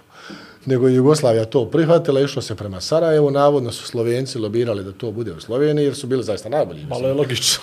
logično, ili tako, alpsko skijanje, sve što ima veze sa snijegom, oni su bili najbolji, još uvijek su. Međutim, eto, nekako se to dalo Sarajevu i taj entuzijazam ka- kakav je bio, to je bilo fantastično. Pa čovjek koji je predao, onaj, neko je zavrnuo onoga Kirka Daglasa za ćevape. O, i, I onda je, njemu su zatvorili radnju, naplatio je Kirku Daglasu, ne znam, porciju ćevapa deset puta više. Kirk Daglas, ćeš Kirk Daglas uzeti pare za ćevape. Međutim, to je bila takva sramota. Njemu su zatvorili radnju, ne znam, je otišao na goli otok, majke. Već su zaključili gol i otok tad, to je sreća jedino bilo. Možda su ga otvorili zbog njega, vjerujem. Nemoj, nemoj mi Otvorili reći, nemoj mi reći dva Napravili puta. su od golog Kirku, da. Kirku Daglasu prodat, prodat će vape deset puta veću cijenu, to je, jer to je takva sramota bila, ali smo promptno reagovali i kaznili ga kako priliči. Sada, sada takve kazne dobivaju možda i serijski ubice, eventualno za, za terorizam maksimalno. Pa dobro, ja mislim da, da Jugoslavia je tad iskoristila dobru priliku zato što u Moskvi 80. Amerikanci nisu htjeli da idu, Los 84. Angeles, Los Angeles nisu Rusi htjeli. Ovamo je da zimske olimpijske igre na neutralnom terenu, potpuno bilo okej. Okay. Eto mi mirotvorci, pa vidi, vidi, vidi, vidi gdje smo, gdje smo došli na Ti si kraj. vidio samo šest Ajde, godina nemoj, kasnije. Nemojte, nemojte. A meni je fascinantna, na primjer, ona Bob staza koja je iznad Sarajeva, e, koja je još uvijek ovaj, Odoljeva zubu da. vremena. Osta, ostao je taj Ostalo neki, je kao je relikt beton, toga relikt, vremena, neki su grafiti, nešto se priča o tome, Bob Staza kao Bob Staza je nešto u što se ne, ispla, ne isplati ulagati Ulagati, ako to država ne drži. To nije samo održivo, kao i bazen. Bazen, bazen nikad sebe ne može sam finansirati ako neko ne daje novac, ali je koristan. Kao i ta Bob Staza bi bila dobra za pripreme drugih zbog turizma, eto, ajde, malo tu i, vidi se izgrada, doslovno, ona je na Trebeviću, to je onaj, Trebević je planina iznad Sarajeva, ispod, o, zajedno smo rasli grade, ja i ti tu bio Kemal Montene, zato imamo ono malen osto i Trebević je malen, tako se, to, to su dva mala pojma, je. Pa to je tako.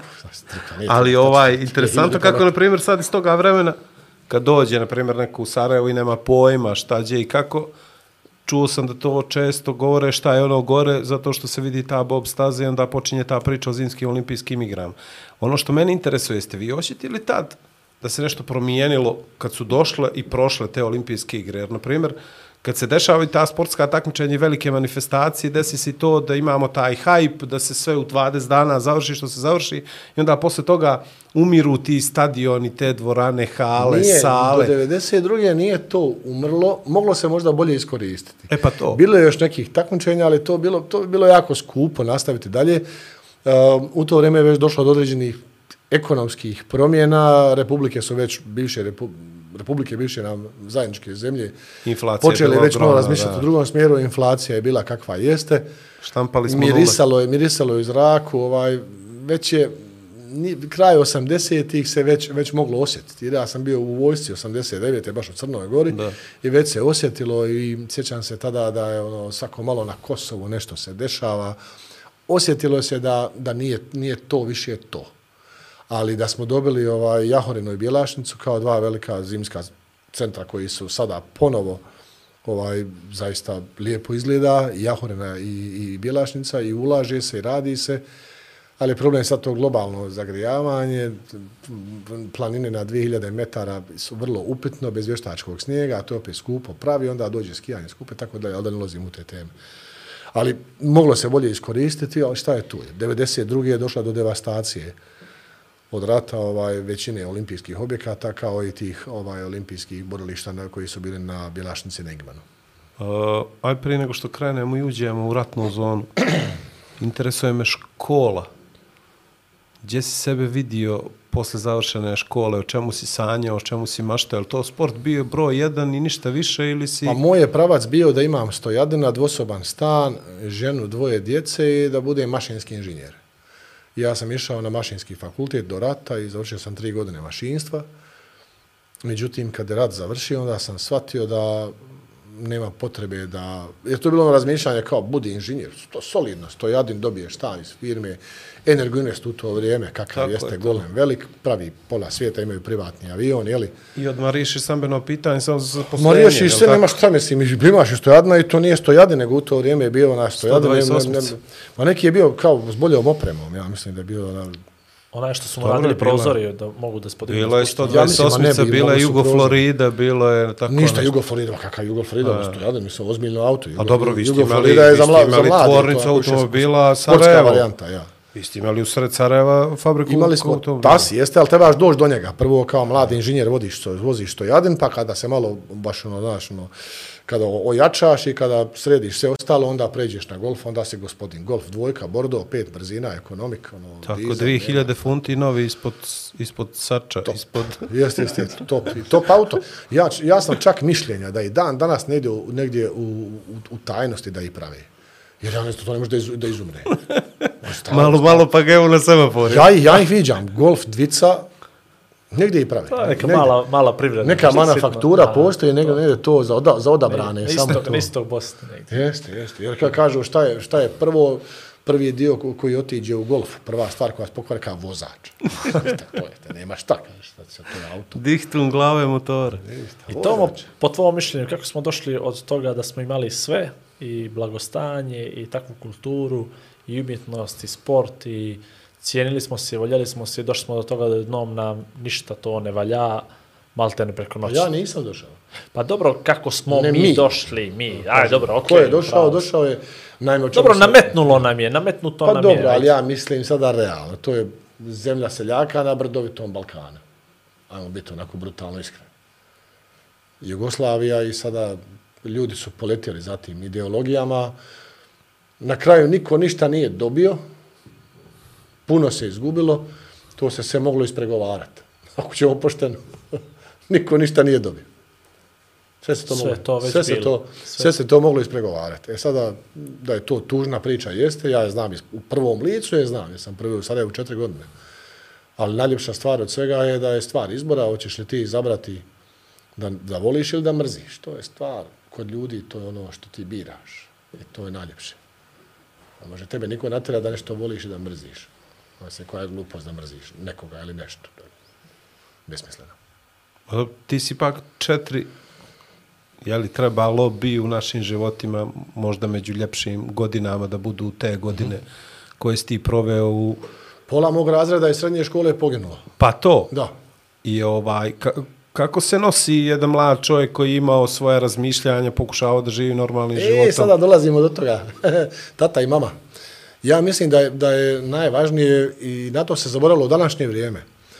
Ti neki temelji, kad se postave kako treba, u kući kada ti naučiš djecu šta je dobro, šta je loše i koji su principi, oni glavni osnovni principi, baza. Ako se to složi kako treba, nema nikakvih problema za te ljude kasnije u životu. I ja se družim s takvim ljudima, imam puno prijatelja koji isto tako razmišljaju. A nismo iste etničke pripadnosti, vjere, nacije, šta li već, kako se već Bogu molimo ili ne molimo. Tako da, ovaj, Ali nije to lako, fali jedan danas, pa za tamo 15 dana čuješ da fali drugi neki Da. s kojima si se podizao, s kojima si pričao, dolazimo do, onog, razmišljao. dolazimo do onoga eseja i čizmaša. Ja, dobra je bila priprema. Šalim se. Uh, naime, prihvatiš to, ali nisam, nisam ja mogao da utječem na to, niti, niti sam ja bio kriv za to, niti sam ja bio za neku ideologiju. Mene, ja, sam se, ja sam se kao student mašinstva jednog jutra probudio i bio sam u, u ratnim dešavanjima. I sam ja sada ono, imao neku agendu, ne, neku ideju. Jeste. Ja sam branio sebe. Jer sam ja živio u Sarajevu, nikad nisam ja nikad otišao iz Sarajeva u neki drugi grad, nekoga da maltretiram, da mu kucam na vrata. Da. Ja sam bio u Sarajevu. Tu sam živio i tu sam i ostao. Ti si imao 20 godina tada, je li tako? 21 godina. 21 godina. 21 godina, dva mjeseca nakon rata, 21. rođendan.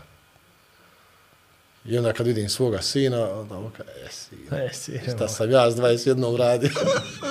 Ratovo. E, kako što možeš tad, mislim, pitan te zato što ja to ne mogu da pojmim. Uh Mhm. -huh. Jel, mislite, ok, ja i ti smo imali privatnih priča i to je naravno za ovo, ali što je to s 21 godinom da uzmeš pušku? Imaš jednom prijatelja, Pa imaš je- jednom to neprijatelja. To je, to je opstanak. Mi smo se zajebavali da je da je Radovan ostavio samo jednu cestu da izađemo iz Sarajeva, mi, mi svi otišli. To ovako te zatvori pa moraš da se tučeš.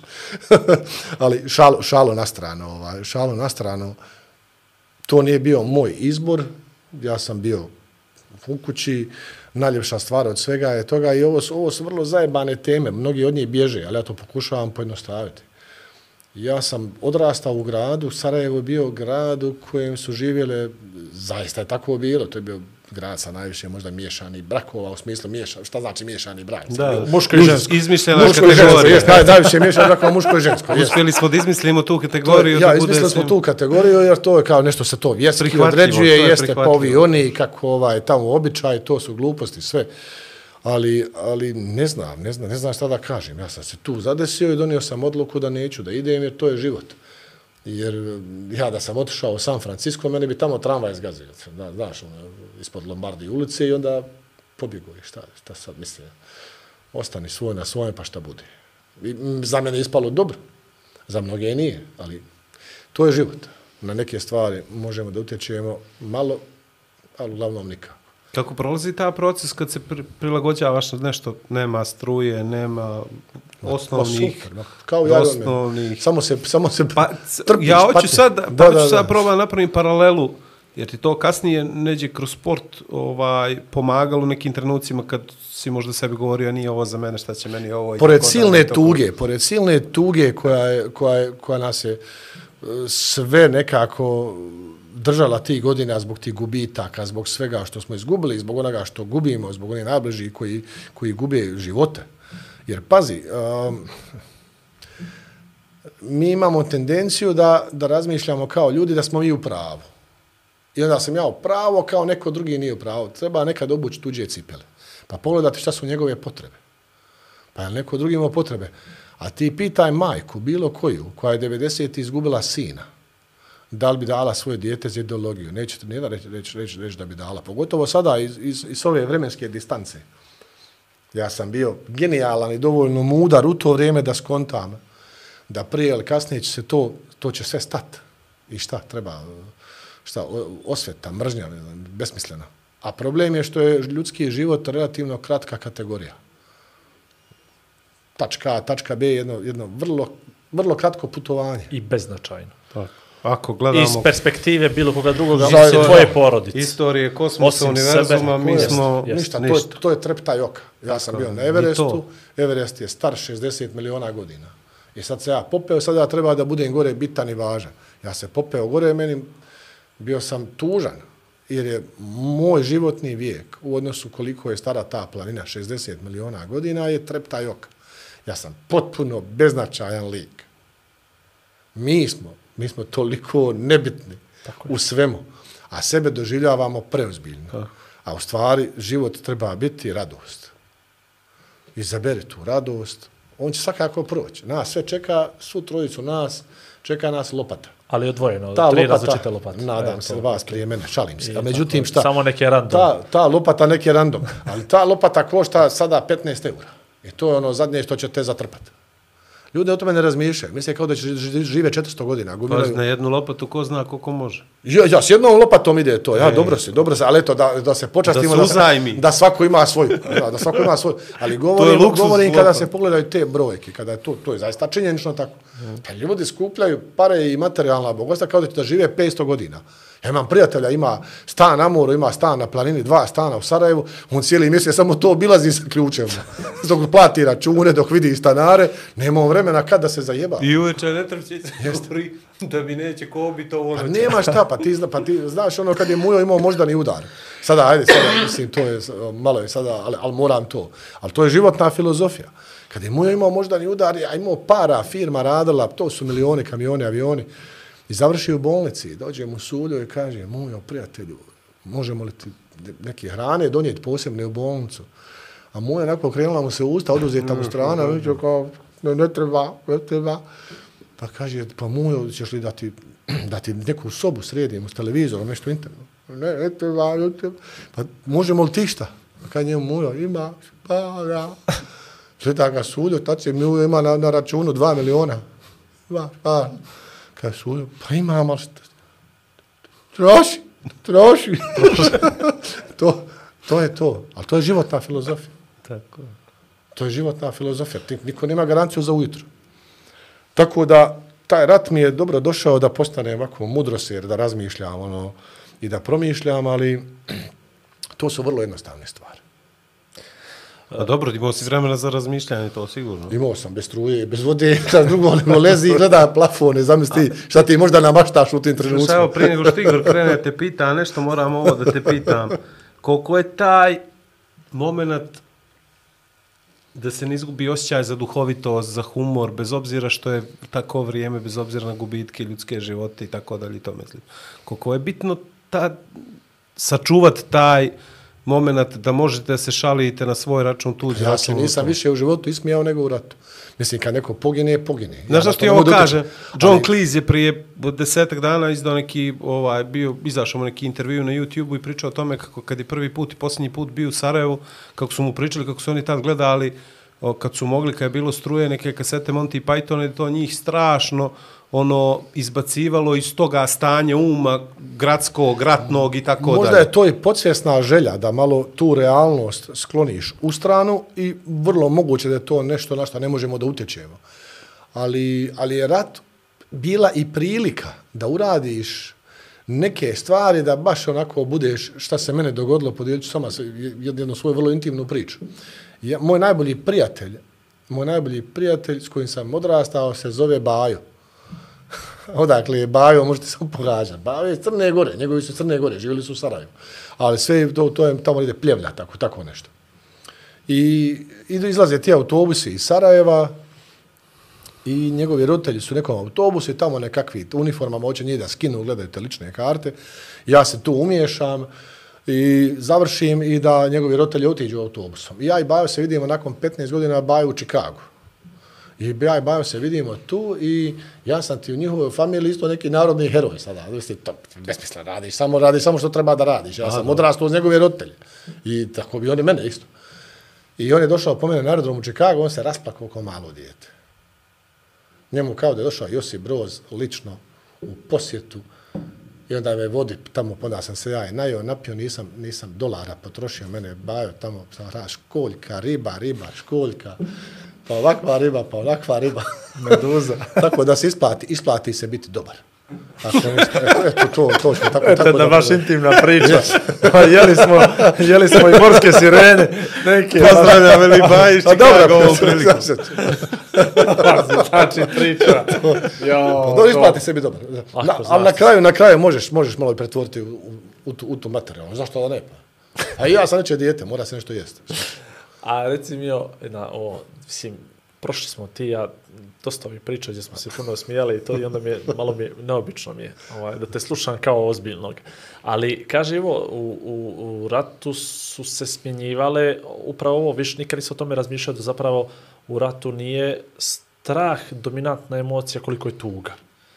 Ti sad pomenuo tuga, tuga i mislim da u stvari, mislim, ne znam, to ćeš ti da mi kažeš, je li, ima li više straha do jednog momenta, znači sad su nevjerovatne snimke, evo danas sam gledao na, na, na iskočio neke, nije ni bitno sad gdje, na kojoj mediji, neko izvještava iz trenutno aktualnog, nažalost, rata u, u Izraelu i foto, uh, odnosno voditelj ili kako već to nazove, ratni reporter, se iz ratne zone, upravo je stigao i on štreca na svaku bombu koja se čuje daljine, a dvije žene pored kola bukvalno To je oko onaj s normalno. HRT-a što je bio. Jeste, jeste, jeste. I, da, I to, ja ne mislim da on glumi, daleko toga da glumi, ali jednostavno njemu je to, on je u šoku, on je prestravljen, jer se ti jednostavno u nekom momentu Oguglaš. o- oguglaš na sve to i navikneš da strah nije dominantna emocija i odnosno su mnogi na kraju glavu izgubili zato što su stali bez straha i da zapravo da je ta tuga nešto što je zajedničko Ma ne smije se ostati bez straha, on je osnovna ljudska emocija, on nam pomaže da donosimo ispravne odluke. Zbog Tako toga je. strah i postoji. Mi smo dizajnirani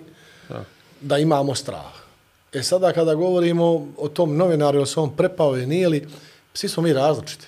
Ja sam jedva čekao da vidim svoje prijatelje koji su otišli u London, u Beogradu, u New York, u Zagreb. Jedva sam čekao da, da se završi, da ih ponovo vidim, da ih ponovo zagrlim. Jer svi smo različiti. Neko može to izdržati.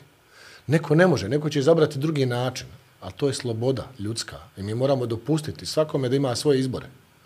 Nije to nikakva mudrost, ovo je vrlo jednostavna filozofija. Da, to bol i strah, ali, to, zavr, ali to je- završiti, da, ali završiti iz te, završiti iz te priče i ponijeti sa sobom gorčinu, ti možeš, rat je dobar da ti napraviš reset svojih vrijednosti. Reset vrijednosti je da imaš da jedeš, da imaš pitku vodu, struju, topli tuš, u toplome da spavaš kad je zima. I ako imaš sve te stvari, ako ti budeš sretan na tim malim stvarima, to ti je dobar temelj, odnosno ako posjeduješ zahvalnost. Zahvalnost je Zahvalnost je temelj na kojem možeš graditi sve druge ljudske dobre osobine. Ako razviješ, znaš kako ono u Aziji, on, one, one se ustanu, one se prvo zahvale na on cvijeću što raste, sam suncu. htio da ti kaže, treba ti rat, dovoljno da pođeš u zemlje trećega svijeta, Idi, da se resetuješ. pa, znaš kako kažu, bolje učiti na tuđim greškama nego na svojim. Međutim, nas je zapalo da smo morali učiti na, na, na svojim greškama. A mogli smo otići tamo po Bliskom istoku, po Africi, da vidimo kako je to u ratu. Pa kad bi se vratili, ovdje rekli, ma nije to baš tako dobro, ajde, ajde, ajde mi sjednemo da, da malo razgovaramo. Tako je kako je. Kakva je prva emocija kad ukapiraš da je gotovo? Šta ti prolazi kroz glavu? Je li to nekakav osjećaj slobode ili...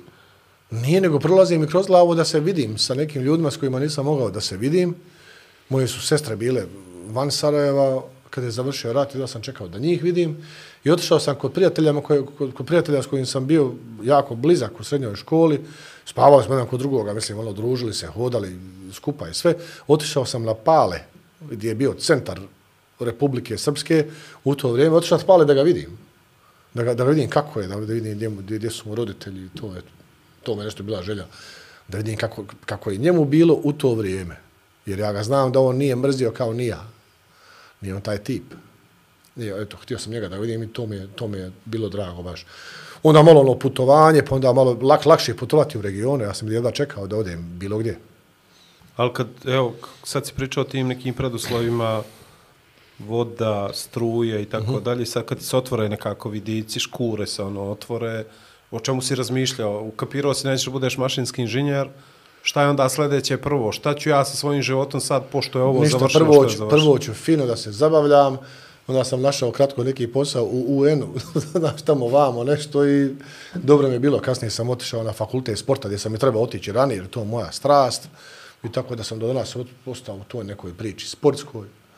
Ali uglavnom, nekako budeš sretan što si živ, resetuješ vrijednosti i kreneš iz početka s tim da kreneš puno mudriji ako si već preživio, kao što i jesam. A, ajde ovo samo, mislim, prati, ok, teška je tema, ali ovo me interesuje. Mi, makar svjedoci kasnije godine, ja sam bio mlad dosta u to vrijeme, pa nisam mogao da svjedočim tim stvarima, ali kasnije sam zapravo vidio kroz puno nekih izložbi, priče, svemu tome, da Sarajevo imalo jednu jako izraženu kulturnu scenu tokom trajanja rata. Vi, ne, kako je to glupo da kažem, a da ne zvuči... Ja, došla je Joan Baez, Da.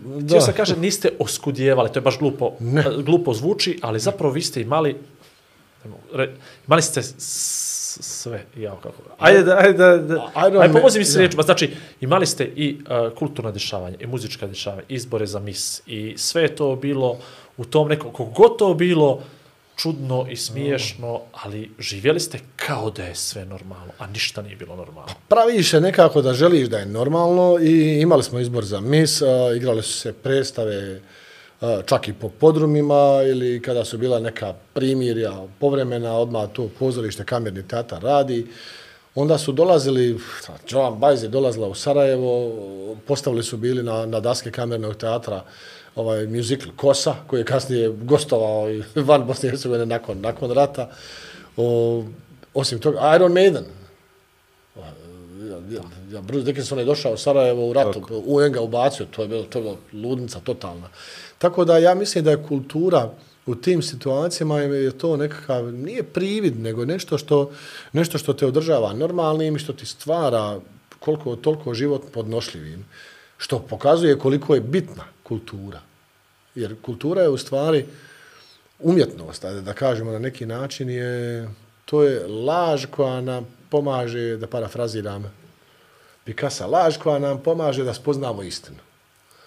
I mislim da je, da, da je to ta neka mentalna higijena, higijena duše koja je jako važna, da nikad ne smijemo odustati od umjetnosti, od umjetnosti i kulture. Ma koliko mi voljeli triatlon i, i, i patnju i ovu fiziku i sve.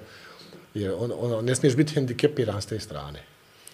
I to je, to je jako važno. Bio jako sam važno. puno puta u Sarajevu, o, naravno ovim prethodnih 20 godina i nijednom momenta nisam mogao da se otmem utisku da je tu se nekad ratovalo. Kako je tebi sad, odnosno prvo aj mi ovo reci, onoga momenta kad je kao nastupio, ne kao kao, no, kad je stvarno nastupio mir, koji je bio osjećaj, da li si ti vjerovao da je to stvarno to, da ti smiješ da pređeš ulicu gdje se nije smjelo prelaziti, da smiješ da pođeš u dio grada, da te neko ne gleda kroz nišan ili preko nišana, da neće da padne neka granata, da neće da zazvižde, da nije to još jedno od onih primjerija koje su potpisani pa prekršeni poslije sat, dva, koji je to osjećaj kad jednom ne gledaš više preko ramena. Ja ti opet, dobro, hoću, ali da, imaš li, jesi li osjećaj će nešto sve to da pokvari? Imaš li sad osjećaj da je, da može nešto ružno? Nemam, Nemaš. Nemam zato jer ovaj taj osjećaj u stvari bili smo toliko entuzijastični i, i toliko je nekako sve bilo dobro, čak bih rekao u skladu sa godinama i sa trenutkom u životu da se tada više entuzijastičan. S vremenom sazrijevaš, malo si sporiji, malo si mudriji, je li to sve, sve ima svoje, svako vrijeme ima ima svoje u životu, ali nisam, nisam ništa, jednostavno to je bilo oduševljenje, da je to sve stalo, mislim, živa glava, da se odmo realne, na kraju, kad podvučemo sve živa i glava, tako da je to, to je bilo odličan osjećaj, odličan osjećaj. I tad se živjelo, ovo još jedno da podvučujem, i bez vode, i bez struje, i bez grijanja, i bez novca, i prodavalo se vreća brašna, odnosno nije no kilo brašna za, za, za ne znam nija koje, moj otac, bo, koje moj bogatstva. otac nikada nije, ja nisam znao da je ikada ušao sa nekim u fizički sukob, osim u ratu. Ukrali mu neki mangupi biciklo. Biciklo je bilo skuplje nego auto, jer auto ti je, šta će s autom? Tako. Nema Tad, gore, nema gore, tad može, može, ga- može ga baciti. Ne možeš ga ni zapaliti da, da se griješ, a njega metal. Ne možeš ni karburator. Biciklo, nevjerovatno. I stari, neki moj stari biciklo sklepao, popravio. Mislim da je kasnije nešto, nešto nabavio nekom trampom, da, e, što ono dobije, ono, dobijemo cigarete, kao dobiješ cigarete, neko sledovanje, pošto ne pušiš, onda te cigarete mijenjaš za hranu, tako, da. ko ne puši, dobro se najeo, ja. I uglavnom, ovaj, ukradu mu biciklo i onda on, onda on išao po tim pijacama gradskim da vidi gdje će se prodavati. Njegov biciklo je našao je gdje se prodaje biciklo i onda je došlo do jednog fizičkog sukoba, tako bilo mi je to malo i komično. Je li biciklo vraćeno? Jeste pa normalno. Tako Pa dobro, pa si ušao u sukob, ne znači da izašao iz sukoba, to sam Pa, ti da kažem. On bi, on bi biciklo do, do smrti branio. To, bici- će biciklo, znaš šta je biciklo sad? Da ti neko kuću otme. Ajmo da zatvorimo priču od ratu. Ajde. Ajmo da zatvorimo, da zatvorimo sa, sa zadnji put kad smo zajedno šetali Sarajevom, doveo si me do one linije i rekao si gledaj ovamo i sad se okreni na ovu stranu pa gledaj ovamo. Uh, četiri uh, ovaj četiri, četiri hrama ili kako već da je nazovemo u 200 kvadrata Bogomolje. istoki Da, da, da. bogomolje ajde Da. uh, istok i zapad linija koja ih dijeli je li je li moguće da smo se opametili i da nam onakve stvari više neće panut na pamet. Pa mi jesmo, evo sad, sad ovdje što sjedimo i volio bih da ovaj naš podcast ljudi gledaju i da možda sami sa sobom se dogovore, ali ma ja mislim da jesmo. Mislim, ja sam vječiti optimista, možda nisam najbolja osoba da, da pitaš jesmo li jesmo. Ja uvijek s osmijehom i jedva, jedva čekam i da, i da negdje otputujem, pogotovo, pogotovo ovdje na području bivše nam, bivše nam države, da se, da se vidim sa svojim prijateljima, ali volim to. U stvari, ja sam te motivac veliki. Ja sam juče izašao da trčim u Podgorici. Sam napravio playlistu sebi za trčanje u Podgorici. I ta playlista je, tu je Balašević Montenegro Express, tu je Sergej Četković, tu je uh, Bajaga, tu je um, Daniel Popović. Ja sam napravio playlistu, da, ja sam napravim ugođaja kad trčim. Ja stavim slušalice, sad to meni top. Znaš, I geografski, slušaš muziku, kakva, kakva, kakva. Međutim, jedino što sam ona napravio grešku, krenuo sam ovaj Na park. Goricu. Na Goricu, ja nisam, nisam znao da je toliko uzbrdo. Na Vladovu Goricu. Trčao sam nekoliko puta, trčao sam i u polumaraton ovdje ovaj, u Podgorici, čak sam bio i pacer, imao sam tu čast. jel tako? Fantastično. Ko je to organizovao? Fantastično. Ja, pa ne znam. Ali ovaj, juče sam Još otišao u taj ove park. godine. Ali, ali moj odgovor na, tu- na tvoje pitanje, mislim da jesmo. Mislim, šta će biti, bit će svakako. Ovaj, ajde da te pitam, hoću ja da te pitam nešto vezano. Bosni i Hercegovina sad. Kako je živjeti u Bosni i Hercegovini? Super. Odlično. Gledaj moje pitanje da sam stavio na ovo, a ti ćeš sada ukapiraš. Da. Pomenuo je cigaru u ratu ko ne puši. A, Bosna i Hercegovina i pušenje. To je jedna tema koja tebe jako boli, a, koju nikad ne prećutiš, a ne, ovo sad stvarno govorim, znam i privatno, dobro. koju ne, ne želi da prećuti, koji je aktivan borac protiv pušenja u svim zatvorenim prostorima, vjerovali ili ne, god Crna Gora izgledala nazadno društvo u nekim stvarima, toliko smo ispred njih po pitanju pušenja u restoranima, zatvorenim Jeste, prostorijama. Koliko god to nama bilo avangardno kad se uveo taj zakon, više ne znam ni prije koliko godina, pa smo dijelili restorane, ono, ovaj sto je nepušački, ovaj je pušački. Pa je trebalo smo- 10 godina Pa do dobro, nečega. izborili smo se za to i onda odeš u Sarajevo i no, ono, sjednoš u restoran i čovjek pored tebe lagano ovaj, zapali i tebi je, no, bože, sam ja došao. I neko ko, a koliko je taj zakon bio nepopularan kod nas u početku, sad smo se nekako morali, svi smo se navikli, mislim, ja nisam pušač pa mi je baš briga, ali navikao sam da živim u, u, bez dima i zamisli sad nekoga ko u Sarajevu, po- pretpostavljam ako postoji metropola pušačka, da je sa Istanbulom bara bara neđe ovaj... Nije ni sa Istanbulom. I u nego- Turskoj, Turskoj je zakon, ovaj, ima već godina donešen da se na jav, u javnim prostorima ne može pušiti. Turskoj se to poštuje. E sada, I onda on ne javno bi mi priča bili protiv mi. toga. To ja mislim da bi, da bi bolje prošao To ti da je, bilo što... to, to da ti ne je znam veliki, što- veliki da. rizik. To ti je veliki rizik. Kao da se udario na, udario na narkokartel. To Doslovno, je tako, tako. Ali na, na fonu ove priče koje smo govorili, imaš jedan život. I boj se, kako, je rekao, kako je rekao taj fantastični pisac, boj se ovna, boj se govna, kad će kad će živjeti. Ja sam sebi dao za misiju, koje to ja ću nešto da galamim. Sad su društvene mreže dale za pravo, nažalost dale su pravo i za idiotima koje niko ne bi slušao, niti pratio, da, da se čuje njihovo mišljenje, ali jesam glasan oko toga ovaj, i nekako nije me strah da kažem ono što mislim, I a kažu jugonostalgičar, ok, ako ja volim ljude u Crnu Goru, Srbiju i Hrvatsku, ako sam zbog toga jugonostalgičar, neka sam. I volim, neka, neka mi piše to, neka mi piše na epitafu jugonostalgičar. Protiv sam pušenja u javnim prostorima, kažem to jasno i glasno. Dobio sam bio priznanje od Evropske unije u toj kampanji, radili smo, trudili smo se, učestvovao sam na tim panelima i to, i to mi je bilo tako zabavno, a u stvari koliko ljudi bude nesretno zbog pušenja i koliko porodica se raspadne i koliko jedna cigareta sadrži 120 substanci koje su kancerogene. I to je činjenica, to je nauka. I ja nisam protiv pušača, ja sam protiv pušenja. Pušači imaju pravo svog izbora, ali pošto imaju pravo izbora, ne smiju ugrožavati druge. Ja sam to napravio jednostavno. Puši tamo u svom privatnom prostoru, to tamo gdje ja jedem, gdje ja boravim, ja ne želim da udišem taj dim, ja imam pravo da onda oni meni kažu, a šta se, što, što onda dolaziš u tu kafanu, evo, tu se puši. Dobro, evo, neću ja doći, ja sam li pitao to konobara koji tu zarađuje, da li on ima, da su njegova radna prava, jel mora onda udiše dim ako ne želi. Mora neko služba, mora neko tu raditi. Kako god okreneš, argu, argumenti su na, na strani, sam normalni svijet je to regulisao, tebi ako se puši, pa mislim, puši tamo gdje nećeš drugoga ugroziti, super, ja, nemam ja ništa protiv toga, ljudska sloboda. Ali to ste neke stvari kada dignem glas, ili sada protiv femicida, ne to što je to moderno, nego što je to prisutno. Mi trebamo przati stvari jasno kakve jesnu i govoriti bez ustezanja o problemima koji nas muče. Moramo biti dovoljno hrabri, nekako smo se mi malo i prepali, povukli, ja nisam taj tip. Nis. I to bi moglo Nis. da o- ovekovječimo sa tvojim postom za novu godinu kad si se žalio na ozvučenje. Za ozvučenje? Da. Uf.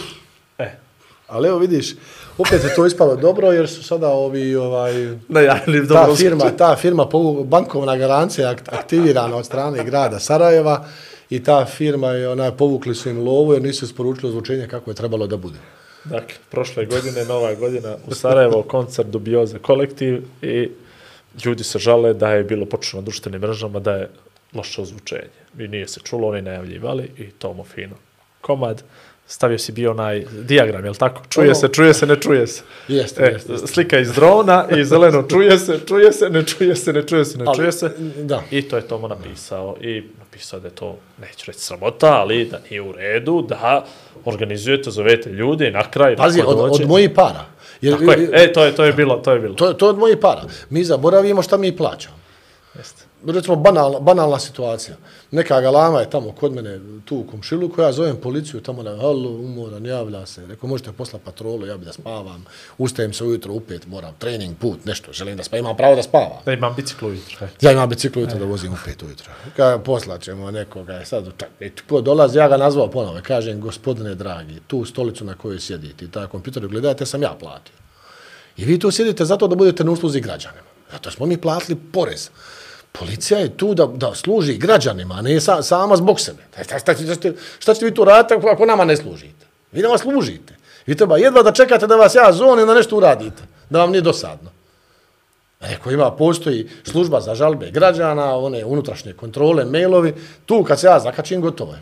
I kažem ja, a s obzirom da se ova razgovor snima, kako je već to, rekao, možda bi bilo ipak dobro da pošaljete patrolu što prije. Došla patrola za pola minuta. E, isto tako oko zvučenja. Pa ja sam platio zvučenje, mene su došli gosti koji nisu iz Sarajeva.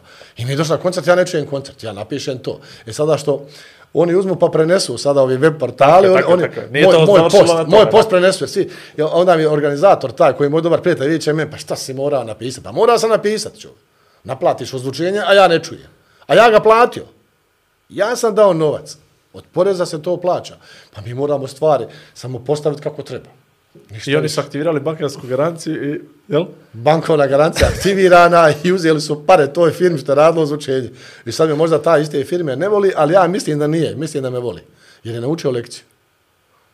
Fantastično. Da kako, se si vrat... do, kako si došao ti u situaciju da to, da se boriš protiv pušenja pa te čuju?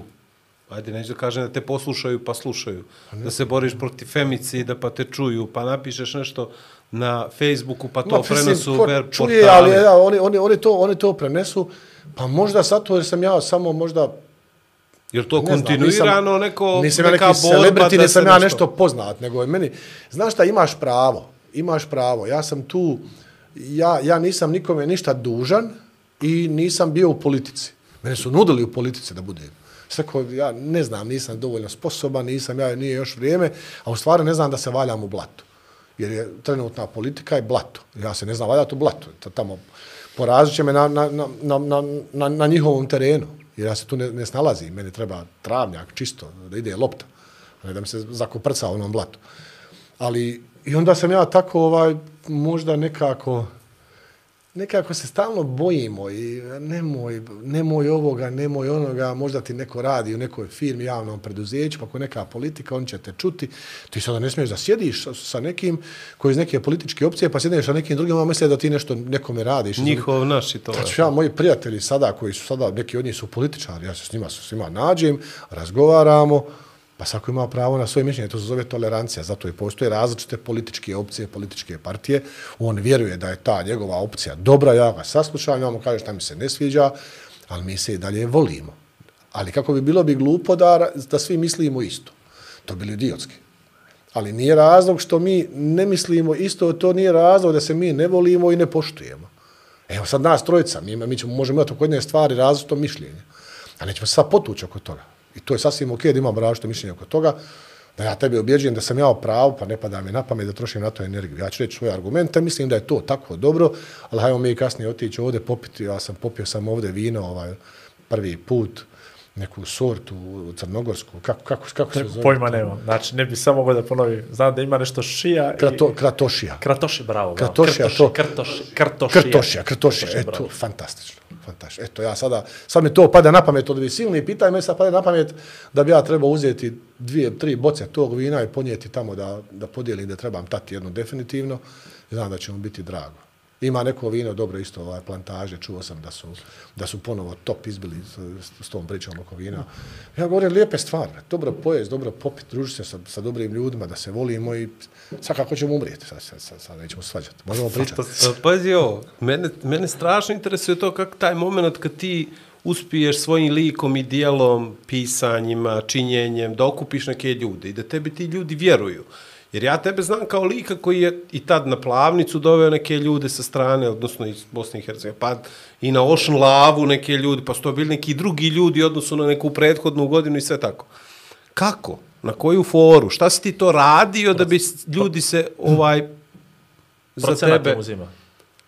da bi ovaj da bi Nemoj, sad si mene zbunio sada, ovaj. Pa ozbiljno pričam. Sad, sad. Ne, ozbiljno me uzmi- interesuje. uzmi- Kako, uzmi time out, nas kako, se, kako se napravi ta aura, to oreol, neću kažem sveca, ali nekog čovjeka koji oko sebe Shvatit ima nešto. Shvatit ću to kao kompliment. I, i, Shvati- jes, ja, pa mislim, shvati, ja baš. mislim da je jako važno, sada vraćamo se na čizmaše, Hesea i svo tu podlogu. Ja mislim da je jako važno da razumijemo što prije to bolje. Ima na latinskom izraz memento mori. Memento mori znači sjeti se svoje smrtnosti. Ako smo mi svjesni svoje prolaznosti, i ako sjednemo malo pa se sa sobom dogovorimo, a da smo svjesni svoje prolaznosti, mislim da ćemo raditi stvari na puno bolji način nego što i sada radimo. Jer proći ćemo. Ne želim biti pesimista u ovom podcastu, ali ja ću umrijeti kao što ćeš i ti Vlado umrijeti, kao što ćeš i ti Igor umrijeti. Mi ćemo umrijeti. Neće niko ostati. Oko toga nemamo E pa, različitih hajde, mišljenja. e, pa, hajde, e pa hajde da popunimo to putovanje. E sada, kako je to meni došlo? Pojma nema. Pa možda, možda tim razmišljanjima imao sam dovoljno vremena. Imao sam dovoljno vremena na svojim ekspedicijama da ležim u šatoru kad je loše vrijeme, pa po dan, dva ležiš u šatoru. Ja znam da je to u Crnoj Gori velika Nacionalni stvar, možeš- Nacionalni sport. Da može imati tako takmičenje u ležanju, čitao sam to, to ležanje. Šalu na stranu. Ali ja ne mogu ležati ja nakon, na, nakon ležanja. Mislim, svi mi, možeš ležati 3, 4 sata, 5, E, 8. a poslije nakon toga boli. poludiš, bo, leđa od ležanja. Jeste to. Nije, to takmičenje bez veze. Treba se tu potruditi. I onda sam možda imao vremena da o tome promišljam, da to slažem u glavi, da ne pravim, što, da parafraziram Balaševića. Balašević rekao, ne pravi, kaže, od tuge nauku. Ja bih rekao, ne pravi od života nauku. Jer ja sam, bio sam u Himalajima i pročitao sam jednu odličnu stvar. Na putu prema baznom kampu. Popeo sam se na Everest, naravno da se pohvalim podcastu. Uh, na putu prema baznom kampu sam naišao, pio sam čaj u jednom lođu nepalskom, Tako, to su onako skromna mjesta gdje se prenoći i nastavljaš dalje, jer se ide pješice od Lukle do baznog kampa Everest. I privukla mi je pažnju sa strane jedna, jedna napisana ovako neka kao poruka, to su oni plastificirali da se ne bi, ne daj Bože, to uništilo na zidu, ovako zalijepljeno nekim, nekom ljepljivom trakom. Ja se primaknem i kaže, na engleskom jeziku je napisano i kaže pravi smisao života. Ja gledam u to i počinje ovako. Mi smo ljudi na ovoj planeti, posjetioci 80, posjetioci 90, maksimalno 100 godina. Za to vrijeme trebamo raditi nešto sa svojim životom što ima svrhu i da ima smisao. Ako u svom životu doprinesemo sreći drugog ljudskog bića, mi smo pronašli smisao života. Potpis Dalaj Lama. To sam mogu ja napisati. Šta će me Dalaj Lama ukrao to od mene? Realno. Šalim se. Od mene je to samo potvrdilo, potvrdilo mi je to da ne pozivam ja sada one koji nas gledaju na podcastu da pređu na budizam. Nema potrebe. Ali je to zaista istina. Kad god smo nekome pomogli u životu, Kad god smo nekome nešto dobro učinili, mi smo se osjećali jako dobro. Možda to čak i čak i sebični pobuda. Win, win. Ne, ne postoji situacija da si nekom nešto pomogao u životu, a da se nisi osjećao dobro. Tako je. Taj dan. To Ili si onda baš- Najbolje se osjećao kad se nekom nešto pomogao, kad se nekom nešto učinio dobro. To je super osjećaj ljudski. Samo što mi to ne konzumiramo. Lakše je podapet nogu, lakše je gurnut nekoga, lakše je nekom nešto na, na zlo učiniti. A što? Ovaj, sad si me naveo na jedno razmišljanje, vidiš, to mi nikad nije palo, sva što mi je padalo na pamet za života, da neko ko je pomogao, a loše se osjećao zbog toga, taj nije dobar čovjek. Definitivno. Pa ja ne znam za taj osjećaj, ovaj, Ima ih, ja mislim. pokušavam da zamisliti da nekom pomogneš, a da se osjećaš loše zbog toga. Puf, znam, zvuči mi onako prilično abstraktno. Ne, ne, ne mogu to zamisliti, nego ne mogu ih. to dobaciti. Ja. Ja, ja čini mi se da mogu. Uh, aj samo mi reci ovo. Samo mi re, ima mnogo loših ljudi oko nas, nemate pojma. Uh, Ja se družim samo s dobrim, ja nemam pojem. Do, Da. da. To isto on se Dobro. uh, kad si počeo da, da testiraš sebe i, i svoju izdržljivost, je li to imalo neki cilj? Ba jeste i nije. Pa, pazi, svi mi imamo ego. Ego, ko kaže ja nemam ego, on priča glupost. Samo je pitanje Neko ga dobro krije, neko... Pa nije da ga kriješ. Mi imamo, svako od nas ima svoj ego, ali taj ego treba, biti, treba ga držati u, neko, u nekom razumnom... Kontrolisan. Ja, imate neku kontrolu da taj ego tebe ne vodi. Jer, jer to onda nije dobro. Onda, To, onda, to je isto onda- ovo za strah ti i za bol, to su kontrolori strašni. Tako je, tako je. Znači, taj ego tu stoji. Malo je bio taj ego, ja sam nakon tih polumaratona i maratona čuo sam za taj Ironman, nisam čuo od tebe, Igor, nego sam ja to čuo s druge strane. I onda sam ja odlučio da to probam, pa mislio sam se u sebi, pa nisu ti ljudi vanzemaljci što to rade. Mislim, ja, sam, ja, ja imam mogućnost ako budem trenirao, ako budem vrijedan, ako se spremim, a vraćamo se na onu priču iz čega sam došao, kako sam odrastao, ništa, spremit ću se i to. Nisam, imao, nisam znao puno o tome, i onda sam imao odlučio to da napravim, ja sam to uspio da napravim u Austriji, u Klagenfurtu, a opet s druge strane... Koje je to bilo godine, izvini? Dvije, ja mislim, dvije četrnesta. Dvije četrnesta, mislim, mislim, dvije četrnesta, jer je u to vrijeme za Ironman si mora da uradiš polu Ironman kao kvalifikaciju pod njihovom Ironman, ovaj, isto pod, pod tim imenom na nekom drugom takmičenju, pa sam ja godinu prije završio polu Ironman da bi mogao da, da se prijavi na puni. Nisam mogao prijaviti kao sada na puni Ironman bez da nemaš pola. Sad, sad se sad platiš, prijaviš, ima hitna pomoć, tamo ne sekiraj se. Ne. Možeš na Neko- svjetsko nešto- da nešto se će se- pratiš. isto. E, ne može, ne može na svjetsko, ne može, ali tu, ali tu imam drugi plan već. E, sada kad dolazimo do tog ega, trebamo biti iskreni. Kad dođemo u neke godine, moraš odlučiti, ćeš biti iskren ili ćeš, ili ćeš biti ono, lažov, pa da... Ima mali ego da, da sam usput mogao da postanem prva osoba u Bosni i Hercegovini koja je to napravila. Godi to, da se razumijemo. Nema tu, da se ne foliramo mi sada. I onda sam ja to napravio, Ali ono što je najljepše od svega, ja sam bio tada prvi i jedini koji je to uradio, koji radi i živi i radi u Bosni i Hercegovini, možda neko u dijaspori, neko to napravio, ne znam, nema ti podatke. Ali sada mi imamo preko 50 Ironmana u Bosni i Hercegovini, od toga većina njih dolazi ovdje. Većina njih je u stvari započela u Crnoj Gori kod, kod Igora na Ocean Lavi svoje triatlonsko putovanje, jer je ovo predivno, mislim, to u Kotoru doći u Crnu Goru, ta gostoljubivost, ta, ta voda za plivanje i, i ona staza za biciklo, to je spektakularno. Nešto Igor tu, nego što je to jednostavno tako. Ja sam vidio svijeta i probao sam razne trke, sam bio ovo, ono, nevjerovatno. A i blizu nam je, jeftino, jeftino doći Sarajeva, zaletiš sa to. I sada je preko 50, a od tih 50 je sada 4-5 cura već, žena. I to je meni fantastično. To, će, to je nešto što će ostati za mene. Eto, i kad ja to prestanem i kad više ne bude, tamo je neko nešto započeo, jer onaj ko se napati na romenu, ko je na treningu 5 ujutro biciklom, ko trči i pliva, on ne može biti ljut, on će se baviti drugima, on će pričati gluposti, olajavati neke glasine, jer je umoran. Ne može, samo- nema, on, nema on više energije za nešto drugo. A opet sa druge strane, to su sve neki projekti. A znaš ako se kaže, mali ljudi pričaju o, ma, o drugim ljudima, veliki ljudi pričaju o idejama. Moraš neku ideju, neki projekat i onda se baviš time. I mislim da je to dobar put za društvo. Mislim, sport, kultura, umjetnost, to su mediji u kojima mladi treba da se razvijaju i to je siguran put u, u, u bolje društvo ili siguran put u neku bolju budućnost. Pitao sam te za vremensku odrednicu zato što uh, stalno pominjemo i preskačemo tu priču o Everestu, jer sad popet se na Everest, to nije za svakoga, nije za rekreativca amatera mojih gabarita i fizičkog stanja. Ali ti si očigledno se pripremao na neki drugi način. Sad mi interesuje tvoje planinarsko iskustvo prije nego što si uopšte ušao u tu i zašto baš Everest. A On je počeo s planinarenjem. Pa dobro, pa E, neka mi dobro. kaže, ja ne znam. Da, da. Prije triatlona. Pa otprilike u negdje u isto vrijeme ja dolazimo do knjiga. Čitao sam Bijeli očnjak Jacka Londona. I to su prostranstva, bijela, To je bijelo, avantura. svakako. I to je ono predivno. I, I onda poželiš u jednom trenutku da te neke stvari kad u životu, kada se pruži mogućnost da, da nešto to iskusiš. Putovanje je nešto, nešto najljepše je putovati i vidjeti, vidjeti svijet. Jer putovanjem se hrani duša i srce i to je ono jedino što ti ostaje. Materijalno bude, ne bude, ali to čime puniš dušu, a putovanja su jedna od stvari koje dobro pune dušu i daju ti neku dobru energiju, Tako da sam ja sanjao nekim velikim planinama, pa sam se razmišljao o tome, taj neki Mont Blanc, da vidimo kako bi to bilo, pa onda sam otišao na Mont Blanc. Prije toga sam završio te kurseve alpinizma, naoružao sam se znanjem.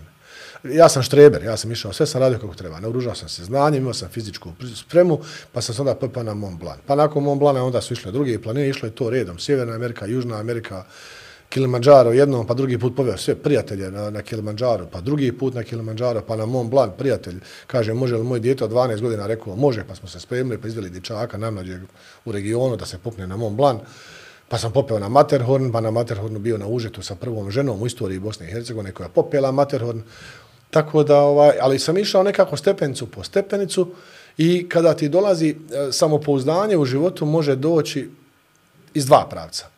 Samopouzdanje može doći iz pravca da imaš neku poziciju, na, na poslu si ti neki šef, ali sad si šef i sad je to neki strah, si sipaš, ili si toliko kompetentan da se osjećaš tako ugodno da tu vučeš samopouzdanje. Dobro, sila i znanje. To je Tako, sila i znanje. Ja sam išao na ovo znanje da, da iz kompetencije izlačim samopouzdanje.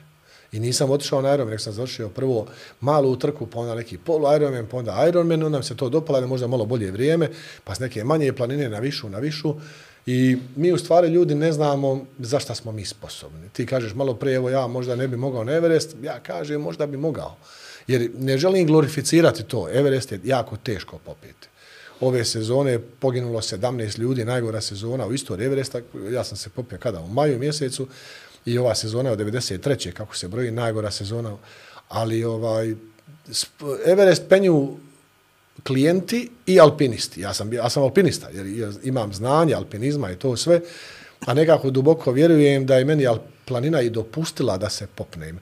E sada, da sam tibetanac, oni zovu tu planinu Majka Božica Everest, ona se zove sa, nepalske strane se zove Sagarmata, i to je kao, kao dodiruje nebo, kraljica koja dodiruje nebo, i oni se mole prije odlaska u planinu, te ima taj puđa ceremonijalku, ja ništa ne razumijem, ali sam sjedio kod dobar džak, dok je onaj lama nešto molio i mantro, ja sam slušao, na kraju bacam onu rižu iza sebe, oni blagoslove tu opremu, ali sam uživao u tome svemu jer je njom- to njima puno značilo. Ali meni je planina dopustila da se popnem. Ja tako vjerujem u to. Jesam li u pravu, nisam, nema veze, ali to, to je moje ubjeđenje. Tako da mi ne znamo ljudi gdje su naše granice. A, imamo primjere na Ocean Lavi kad sam bio prije, prije, prije dvije godine kad sam bio na Ocean Lavi, bio je takmičar koji nema, nema nogu ili ruku, Igore. Ko- Dvije ruke. Nema dvije ruke. E, I šta se sad mi trebamo žaliti? Šta, šta? Mi sad se, A- a plivao je. Mi se, Plivao je, da. plivao je, da. Mi, mislim da je bio iz Turske takmičar. Jest, tako? jest, Jest. I sada mi treba sebi da postavimo pitanje šta mi možemo. Otko mi znamo šta mi možemo. Ali za početak možda možemo malo glavu da popravimo i da napravimo sebi sretnije okruženje, a onda ćemo se baviti triatlonom, pisati pjesme, trčati, ići u pozorište. Kako rekao Rambo, ja volim slušati Ramba, ovaj Rambo je rekao kad je plata preko 1000 eura, 1000 i po eura, kod nas kao razmišlja gdje ćeš putovati, gdje ćeš u spa.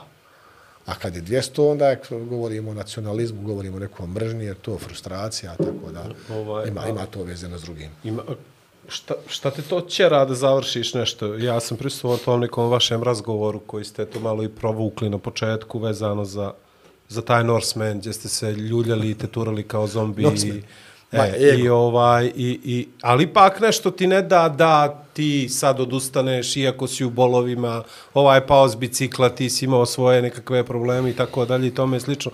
Šta ti prolazi kroz glavu? Ili ima tu nekakvih momenata, ne znam, flashbackova, ne mogu ja ovo ili možeš ti to majstore, na koji način funkcioniše ljudsko tijelo i um, odnosno koliko um može da šalje prave poruke tijelu da se završi, iako si svjestan da možda to tijelo u datom trenutku nije pripremljeno za tu trku, tu planinu, taj uspon i tako to. Ono što sam naučio do Norsemana, sam naučio da mi ne znamo šta je, šta, zato smo mi kapacitirani, jer mozak je informacija, mozak nam govori nemoj više, to, to je glupost, to radiš sebi.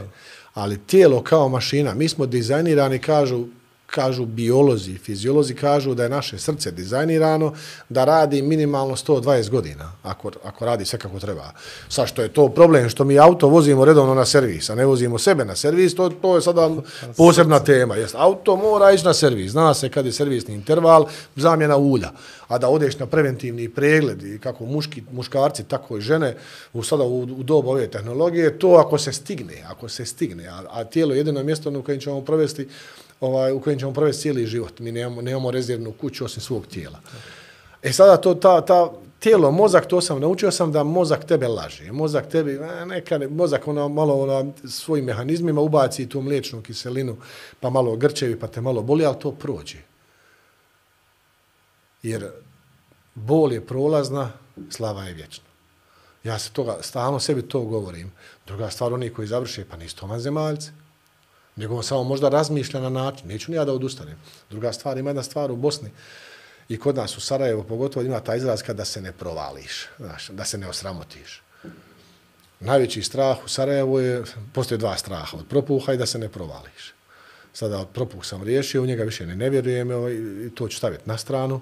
Eloksirana radi svoj. Ma ništa to. Ali, ali pazi, pazi za propuh. Pa ja kad sam završio prvi triatlon, mene svi pitaju, kad je dobro i kada plivaš, kad plivaš ideš na biciklo pravo. Ja rekao pravo. I baš ono na biciklo pravo izvode. Ja? I voziš biciklo tako. Ja, Bože sad. Ja mislim, ima fen, pa ćeš ti malo da se ugriješ, pa da se osušiš, pa da, jer ona prijatelj, kad opere kosu u subotu, u nedelju ne izlazi da bi upravljak išao na posao. Ja govorim, gdje mi živimo, to je tako, to je tradicionalno tako.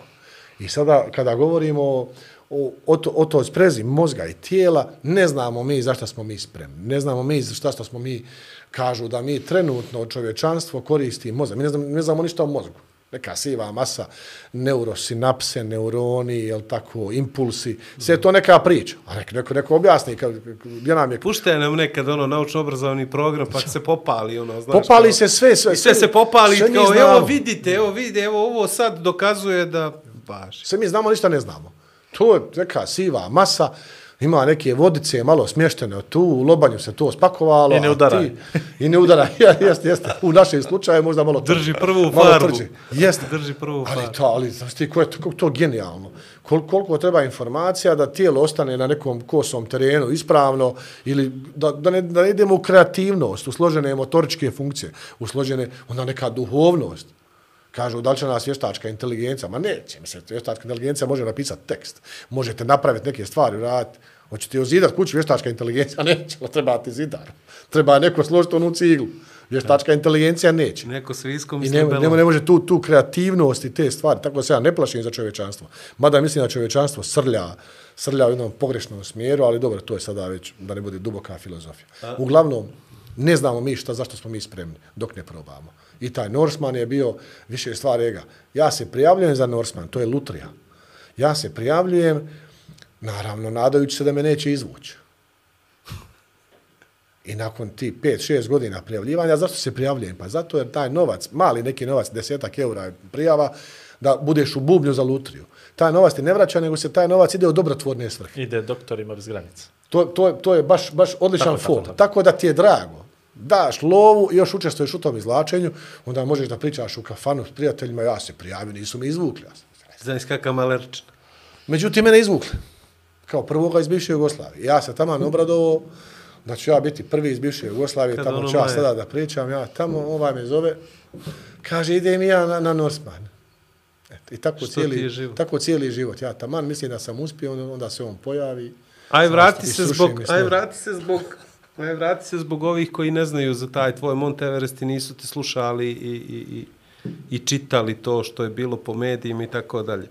Pa vam rekao si da si bio tužan kad se popeo i tako. Stvarno kakav je osjećaj kad to završiš? Ili šta se dešava? Pa ja mislim svako ko, ko, svako ko se popne na Everest i ko se osjeti moćan, ono, i snažan, kao da je nešto napravio, on je, da kažem, onim žargonom jednog starog komentatora, on je fulao ceo futbal. On je promašio potpuno smisao toga svega. Naime, kad sam došao na vrh, e, dolazak na vrh svake planine je prvo polovrijeme. To je jedini sport u kojem kad dođeš na vrh, si odirao prvo polovrijeme, moraš se vratiti. Ja moram ići nizbrdo, nizbrdo statistički, sve sam ja to proučio i naučio, statistički najviše se nesreća dešava prilikom povratka. Padne fokus, umoran si, opijen si pobjedom, triumf, jesam ja jak, jesam ja dobar, sposoban, oklizniješ se i sada nema više ništa od tebe. Tako da sam ja došao na taj vrh, znao sam desetak minuta, imaš, imaš nešto kisika u boci.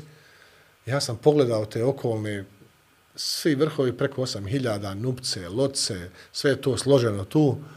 Koja je to privilegija za ljudskog života pogledati sa tog vrha? Ja sam bio samo zahvalan, jer sam dobio priliku u životu. Pitali su me kasnije da li bi išli ponovo nebi. Ima ljudi koji bi išli ponovo, ja ne bi. I mislim, život je prekratak da idem dva puta na Everest, jer je bi straje dva mjeseca. Nisam bio, nisam bio odsutan od kuće nikad više od, od JNA. Dva mjeseca. Ali nisam doživio taj Everest na način da sam ja sada moćan, sposoban, jak, nego nekako je to bilo onako, imala taj izraz na engleskom humbling experience, odnosno, odnosno da, da te spustite na zemlju. Ja sam to pogledao, mi ljudi živimo kod trepta i oka, odnosno na tu planinu. Ta, ja da nešto, ja nikad ne koristim izraz osvojio. Nisam ja osvojio Everest, ja sam, ja sam pristupio na vrh, Ja sam od ozgo pogledao, meni se duša napunila i ja sam dobar. Uključio sve senzore da se vratim, sigurno 9 sati sam se spuštao do, do kampa C2 gdje sam, gdje sam prespavao, onda sutra dan ponovo do, do baznog kampa. Tako da je to bio moj osjećaj. Dopuštam da je svakome subjektivni osjećaj bilo kakve pobjede, ali nešto mi je drugo palo na pamet. Nisam ja nikad u životu ništa naučio iz pobjeda. Ja sam u životu učio iz poraza. Poraz je lekcija kad pobjediš, onda si opijen pobjedom, pobjedio se nekoga, a pobjediti sebe u stvari je mangupski. Sebe pobijediti je najteža stvar. Drugoga možeš pobijediti, možeš ti spremiti se, pobjedimo drugoga. Ali sebe. I onda s tom nekom mojom filozofijom u glavi, tako sam ga doživio kako sam ga doživio. Da ga neko, nešto sad doživljavam, da smaram ljude, ja sam bio na Everestu. Jeste velika je stvar, ali nekako nekako sam to doživio na taj način da je meni duša puna i da sam samo zahvalan zbog toga i kako kažu, ako svaki sljedeći dan budeš bar malo bolji čovjek, ti si uspio u životu da radiš na sebi. Mislim da je meni Everest pomogao da budem bar malo bolji čovjek. Eto, tako to doživljavam. Za mene je to iskustvo bilo teško. Znači da ja nastavim da ga pitam. Ne? A? Ja ti dao šansu da mu postaviš Znaš, pitanje. Ti ga pitaš stvari koje ja kao višak sam, a zapravo nisam višak, ja uživam u ovome. Mislim, mi smo to na drugi način prošli sve ovo, ali mi je drago da čujem da ga to pitaš, da on tako odgovara.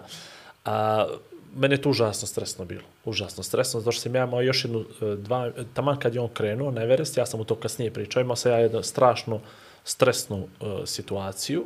Uh, bio sam u Slovačkoj, čini mi se, i u tom momentu je sa mnom tu bio čovjek iz Nepala koji organizuje Himalaje ekstremni triatlon. I kao pričamo mi tu, ja mu kažem, meni prijatelj tamo, kaže šta, šta tamo? Penj, ove godine penj. Koliko ti je dobar prijatelj? Jako dobar prijatelj. zove ga da se vrati. Svi zove ga da se vrati. Znaš, kakva je to, ja zbog čega kao ova godina je katastrofa, ove godine će da izgine ljudi, izginula već Šerpasa, nije sigurno, Igore, ja sam izašao, izašli smo par ekspedicija potpuno otkazano, nije sigurno, gore ova godina je katastrofa, zovi ga da se vrati. Mislim, ja znam prvo što je čovjek prošao da bi organizovao kompleta svoj put, finansiranje, u kakve sve probleme ušao, kroz iz kakvih je problema izašao, što je odradio i on je tamo. Ja treba da mu pošalje poruku, ej Tomo, slušaj, imam druga koji mi je rekao, aj ti polako nazad. I meni od tog momenta se sva ta nekako percepcija toga njegovoga još diže na neki enti stepen ovaj, a, a, a, opasnosti, jel, strijepnje. Ja nisam ga smarao ništa, on imao dosta limitiran pristup internetu, svemu tome. Uglavnom, pratio sam po uputstvima kojima je on zdao uputstva da se prati njegov napredak preko, preko prijatelja njegovog, jednog planinara. I ja sam samo poželio jednom lijepu poruku, sreću i znao sam kad penje, koji dan penje, sve sam znao, čekao sam i boga mi bile dobrih preko 24 sata bez ikakve poruke na internetu da se nešto da je on u stvari popeo. Samo je bila kratka poruka, to me popeo vrh, a smo svi znali da je spuštanje i boga mi bilo skoro 24 sata bez Znači, jedne 14 poruke. sati 14 gore i 9 nazad. Znači, Neki, bilo- dva, neki 24 sata je to trajalo. Da se ništa nije između, znalo. između dvije poruke. Mislim, Što je, što je strašno za sve ostalo, meni nije palo na Nema pamet. roaming, veli na Monte. Da, pitam to. I a, stiglo je, stiglo je to, stiglo je obaveštenje da je on ok, ali to je samo kratka poruka. Stigo je C2, to je to. Ja sam mogu sjetiti sve, ja poslao poruku, nisam poslao poruku, nemam pojma, uglavnom dva dana kasnije, subota ujutro je bila, ne znam koji si dan penjao, vrlo se dobro sjećam, subota ujutro, ja pođem u džadu, na kafu i Viber video call Tomislav Cvitanušić. nisam te zvao. Jesi, na video. Šta mi je bilo to? Ne znam, brate. Vjerovatno od ovog Pazi, pazi, visine. ne znam koga, zvao sam, zvao sam porodicu i Za njih tristotinjak ljudi, pa sam upao ja u sve to. nisam, nisam, ali ovaj, sad to kao kompliment. Zaboravio sam, zaboravio sam. Jesi, a uzao sam screenshot, znaš? I bila je Nora sa mnom, i uzao sam screenshot, ima taj screenshot, naravno da ima.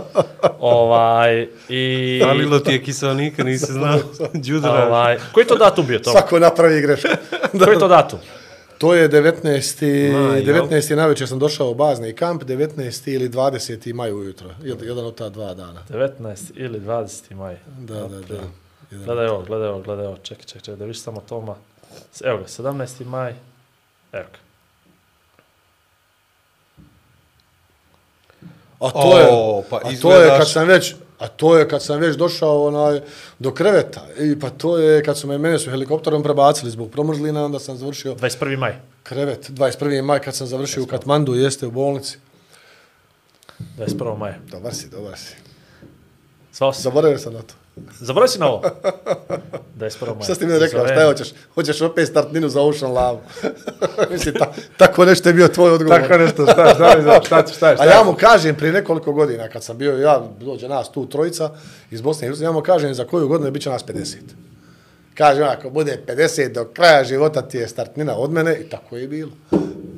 I on zove 21. Osim maja. što sam jeo u Čikagu školjke i ribu, ja dolazim na triatlon, u Kotor dolazim na triatlon u VIP varijanti. da. I onda mene maltretira, reci, ovaj, Reci ovaj. Tomov je obuka prvi put Pazi, triko i, i- tako. To je to. Koji si dan- sad, koji sad ti je sve jasno. Da. Koji si dan popeo? Kad si popeo? 17.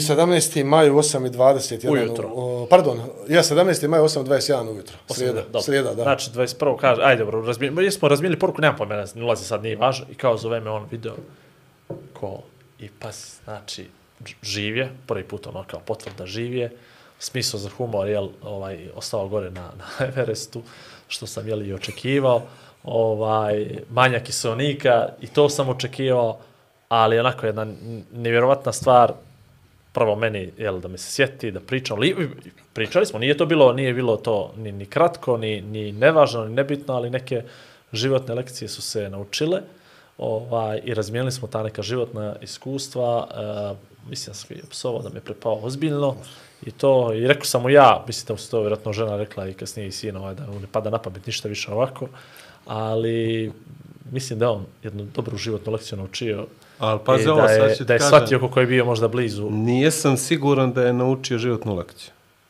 A sad ću ti kažem zašto.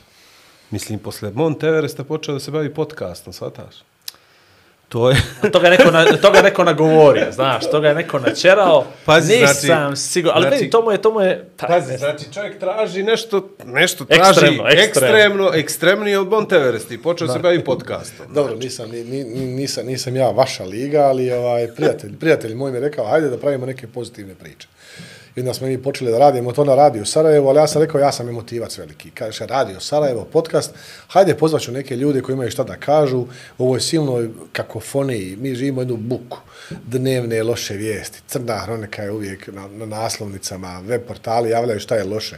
Niko neće javiti tamo, isto je u Bosni i Hercegovini kao i, i u Crnoj Gori, u Srbiju, i Makedoniju, u Hrvatsku, gdje nekako loše vijesti se guraju u prvi plan. Iz, neko- zašto ne znam? Mi imamo super vijesti. Imamo fantastičnih priča i, i, i u Bosni i Hercegovini, i u Crnoj Gori i u svim drugim zemljama. Matematičari mladi kad osvoje medalju, to bude na nekoj 16. strani ili tamo neki To link. je dosadno. To je dosadno, jeste. Ono što je bitno je šta je neki političar izjavio. Taj političar traje jedan mandat. Ako izvuče i mandat, ne, neće biti upamćen. Ostaće na smetlištu istorije. Ali mi živimo ta život dan za danom i na, ili nam to nam nekako daju kao da smo sedirani, kao da smo onako lagano smo uspavani, da se puno ne bunimo, da ne dajemo mozgu šansu, a ima toliko lijepih priča. Evo, i, i, i ova naša priča je ovdje, ako smijemo sada, da ja kažem malo sebično, i ova, i ova naša priča je lijepa. E, Ništa mi nismo... reći na kraju, to imamo jedan segment gdje pričaš ti o nama i. Ali jesi ti u pravu, mislim, Ovo potpuno je u pravu. Zna, znamo, e, znamo, znamo mi da je to, da je to tako. I da bi mi dobili milione pregleda, ne kažem milione od ovoga podcasta, ali ukupno milione, kad bi tu sjeli neku ili nekog ekstravagantnog, ekcentričnog, koji bi Kontroverznog. kontroverznog, Šta ćeš koji je kući, kućeš aktuelan. dalje, ja imam Six Majors, popeo sam Everest, napravio Norseman, imam... Nisi kontroverzan. Imam Iron- Ironmana, ja nisam fali, kontroverzan. fali, ti, To je fali, ti, fali, ti, fali ti. Ma, to je najmanji problem. To je najmanji To je problem. najmanji problem. Reci mi ovaj... Ti ga sedam dana radio. Dan ti moj, dan ti moj dupli, daj mi nešto, nemam pojma. Daj mi Ako kako da. mi daj. Može, Denali, Denali.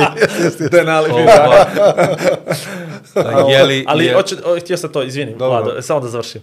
Ali uh, biramo put, znači nije nam cilj, nisu nam cilj uh, pregledi. Tako i ti isti portali, ti portali, sve to što nas se servira, nažalost oni postoje zbog klika. Toga klika koji njima donosi financije, koji njima donosi novac. Pa što im ne bi, Bis- dono, što im ne bi donosile financije i neke ne, dobre priče? Ne bi, ne bi, ne bi, ne donosi toliko. Ne. Zato Pa to jer je to. ljudi nisu naučeni da misle na dobro.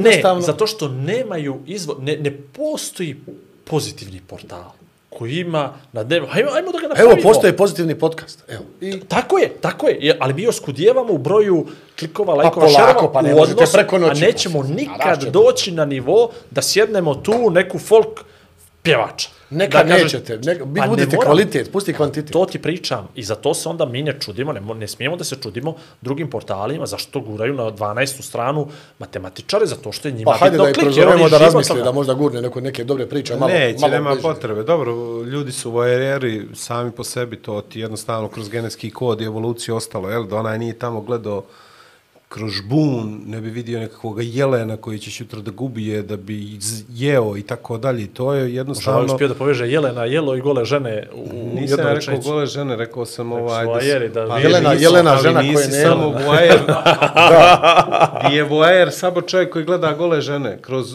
ključonicu. Možda Ja kad jest. googlam voajer, meni Ali to mi skoči. smo voajeri. Tako je, mi smo voajeri i volimo više tuđe dvorište i da razmišljamo o tome šta će neko drugi da kaže nego što ćemo, kako ćemo, na Ali koji se način mi radujemo dostičemo na naš... tuđoj nekako nam je Nekako drago. Neko je nevolji kada, neko, kada nekome loše, kad neko bankrotira i znao sam ja, a ovakav je, onakav je. Ja sam Ali nedavno napisao... Vi to sam- do, dobiješ kod, kroz kod, to vrlo teško čovjek može da se ovaj makne od toga, A kakav znaš. kod? Zna- Znaš šta, 100%, stvari, stvari su jednostavne. Evo ovako, ja sam neki dan napisao to u tim svojim dubokim promišljanjima i to sam objavio. Ja volim da se radujem uspjehu i sreći drugih ljudi. E, Kako to zvuči čovječe? Nenormalno, je li tako? A, jes. Ja da se radujem da neko drugi bude sretan i A ti uspješan. si radio na ali tome vidi, da ali bude vidi to ovo, tako, zašto? vjerujem. Zašto? Ja sam tražio sam odgovor zašto. U šatorima, kad je oluja, kad me zarobi na aljasci po dva dana, ta ću drugo nego da, da, da mozgu šansu da izvrti sve moguće kombinacije. Zaključak je, ako se mi radujemo da neko drugi bude uspješan, uspješan i sretan, onda shvatimo da život, život je putovanje, nije takmičenje. Ne ustajem se ja svako jutro da se ja takmičim. Ja se ustajem svako jutro da putujem. Zna se gdje, odakle sam pošao i zna se gdje ću doći. Tačke, krajnje poznajemo. Rođenje i smrt. I to je putovanje, to mora biti takmičenje. Može biti takmičenje 4, 5 sati, 6 sati, za mene 5 i po, 5, 15, jeli, Pet. na Ocean Lavu dodem na triatlon. Ali to je, to je Olim- taj period, ali nakon olimpijski. toga, nakon toga meni nema većeg viteštva nego pružiti ruku onome ko je bolji. S tim da ja uvijek vrebam priliku da se okružim i da budem u društvu boljih od sebe. Pa od njih ću nešto naučiti. Onaj koji je loši, on će te vući dole ako nije spoznao ovu filozofiju. E, ali koliko ljudi spozna tu filozofiju? Pa hajde da pričamo o tom. Evo, i mi moramo to ponavljati. A pazi, kome god to kažeš, ne postoji osoba koja, je, koja mozgu daje šansu, koja će ti reći, nisi u pravu. Jesi u pravu si. Zašto bi, zašto bi ja, zašto bi meni smetalo da, da ti i Igor budete uspješni i sretni, ja bi sada da oba zaradite, ujutro da na lotu dobijete po 5 miliona. Ja bi se radovo možda više nego vas dvojica. Bilo bi školjki i riba, vjerovatno. Ali, ali govorim ti, zašto ne usvojimo takav način razmišljanja? Što nije teško, zaista nije teško. Ne, Ili da mi razmišljamo na način, aha, Crna Gora, Bosna i Hercegovina, Srbija, Hrvatska, gdje kako kod ide crkva, džamija, tamo sinagoga, ko će gdje. Evo mi sad imamo sukob na Bliskom istoku suko na Bliskom istoku, ja što vidim po društvenim mrežama, da su ljudi podijelili u navijače. Što je, što je užasno. Što je užasno. Niko ne razmišlja o civilima. Ja govorim o civilima i u Gazi, ja govorim o civilima i u Izraelu. Da niko nema to, to, to ljudsko razmišljanje čovječe, šta se tamo dešava sa nevinim ljudima koji nisu nikome zla, zla napravili. Kako jevreji, tako i palestinci. O tome se radi nego se sada pravi se navijački tabori, ko je kome bliži, ko će za koga navijat, ko je kriv. Ajmo to pustiti storičarima, to je malo dublje. A uglavnom se glupi ljudi koji ne poznaju osnovne pojmove bave time i donose pogrešne zaključke, to, prave, prave mainstream. Ali to je bukvalno ovo što sam ja govorio. Ta, to je taj voajerizam da mi razmišljamo više šta je spoljna politika, nikad se ne bavim unutrašnjom, a kad mislim unutrašnjom, pričaš o sebi, pričaš o prvom do sebe i tako dalje. Jedino na taj način možeš da promijeniš nešto, ne možeš Jeste, drugačije. ali, mi bi, ali mi bi da promijenimo sve, ali da ne da promijenimo sebe. to je A to. sebe promijeniti je baš prava stvar. Vi- ti sebe promijeniti Ti si sad nabacio toliko dobrih stvari sad tu na, na, na sto i odatle samo treba nešto uzeti. Ali razlik između toga da ja prihvatim da si ti u pravu i da je to tvoje mišljenje dobro i razlika da ga ja primijenim ogromna. Ogromna, zato što ću ja šutra u firmi ili lijevo, desno, nemam pojma, da nađem nekog ko je lošiji od mene da bi se upoređivao. A ne bi, neću prihvatiti taj uspjeh tvoj na Mount Everest ili Igora u bilo kojoj sferi života. Moje, moje, moje, moje pravilo, i to govorim mladim ljudima, dvije su važne stvari. Život treba biti sreća. Kako god da dođeš do nje kojim god putem, jer će proći. Čovjek treba biti u životu sretan. I to je, to je ono osnovna stvar koja biti sretan. Kako doći do te sreće, ne ulazim u to. Kojim putevima. I šta je I druga, za koga sreća? I druga stvar, šta je za koga sreća? Naravno, nekome je sreća, ovo materijalno. Nije sreća nekome- pana, para, puna vreća, da kažem, ali... ali Da citiramo velikog mislioca, Merlina. jeste, Dino, Dino Merlina, jeste, jeste.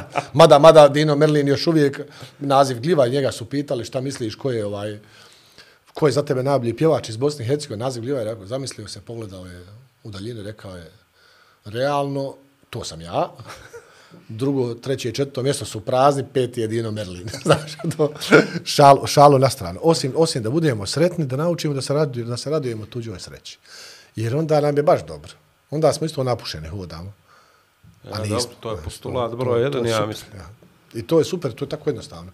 Što mi to tako ne radimo? E sad da okrugli sto, pa zonu sociologe, pa da vidimo gdje, nikad nam, udao. je, gdje nam je prespojilo, gdje, gdje, gdje imamo problem. I nikad budem. Dobro.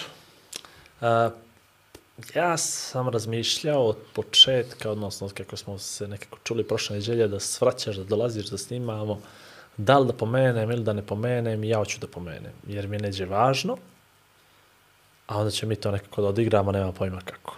2015. Si me zvao da mi kaže da dolaziš u Podgoricu, da vodiš jednu curu, strašnu curu, Aha. koja će da ra razvali, da odvali. I ona je razvalila i odvalila.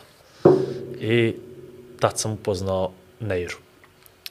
I puno godina smo se družili nakon toga. Uh, Crna Gora je bila bitna.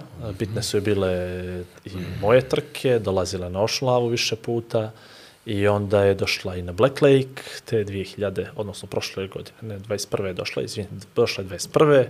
pa je završila, pa je došla 22. se vratila, dovela je brata, dovela je porodicu, da volontiraju, da budu tu. Bila je neizostavni dio svih nas, eto, do toga oktobra, novembra prošle godine.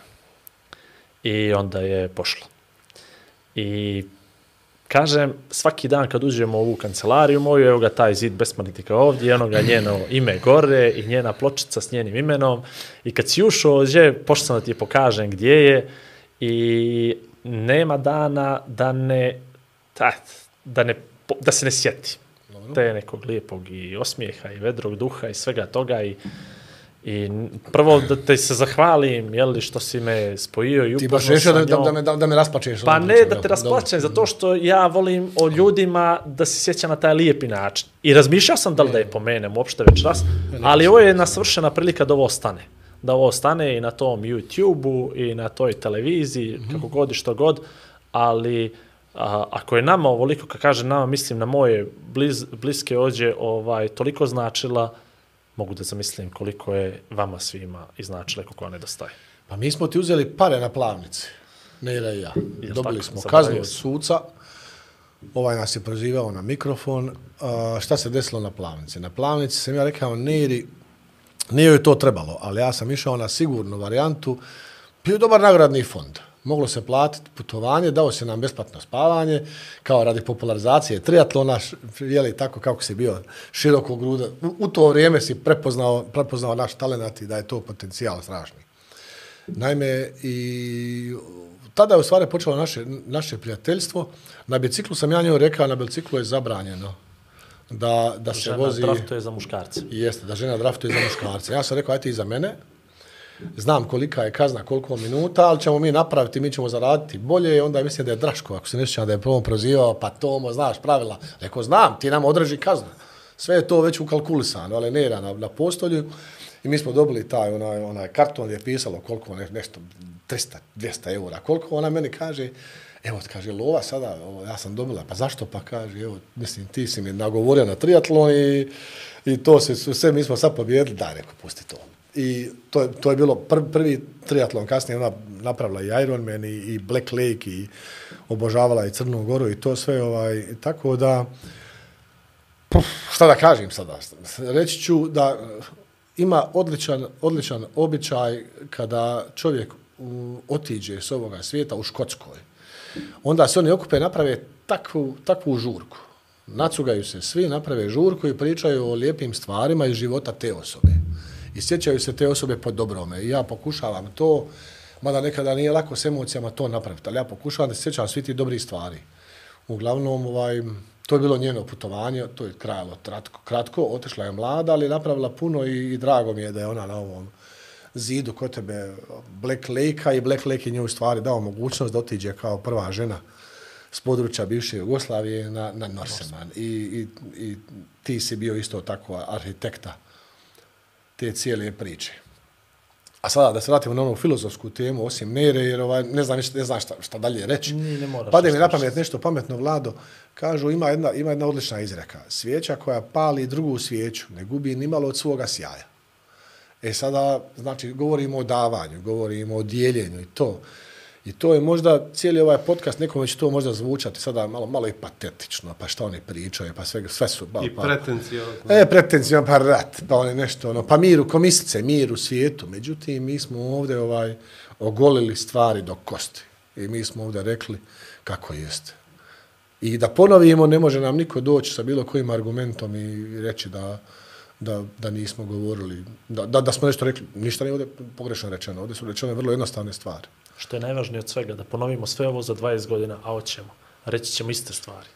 Reći ćemo iste stvari, jer to, to, to, Pa su dobro, temelji znaš sve- kako, bit ćemo samo da- 20 godina zreli, iskusniji, pa ćemo možda malo drugačije birati riječi, ali to ne znači to neće biti prave riječi u tom trenutku. U ovom trenutku su takve kakve jesu i ovo je mjera našeg nekoga presjeka, zrelosti, iskustva, života i tako dalje.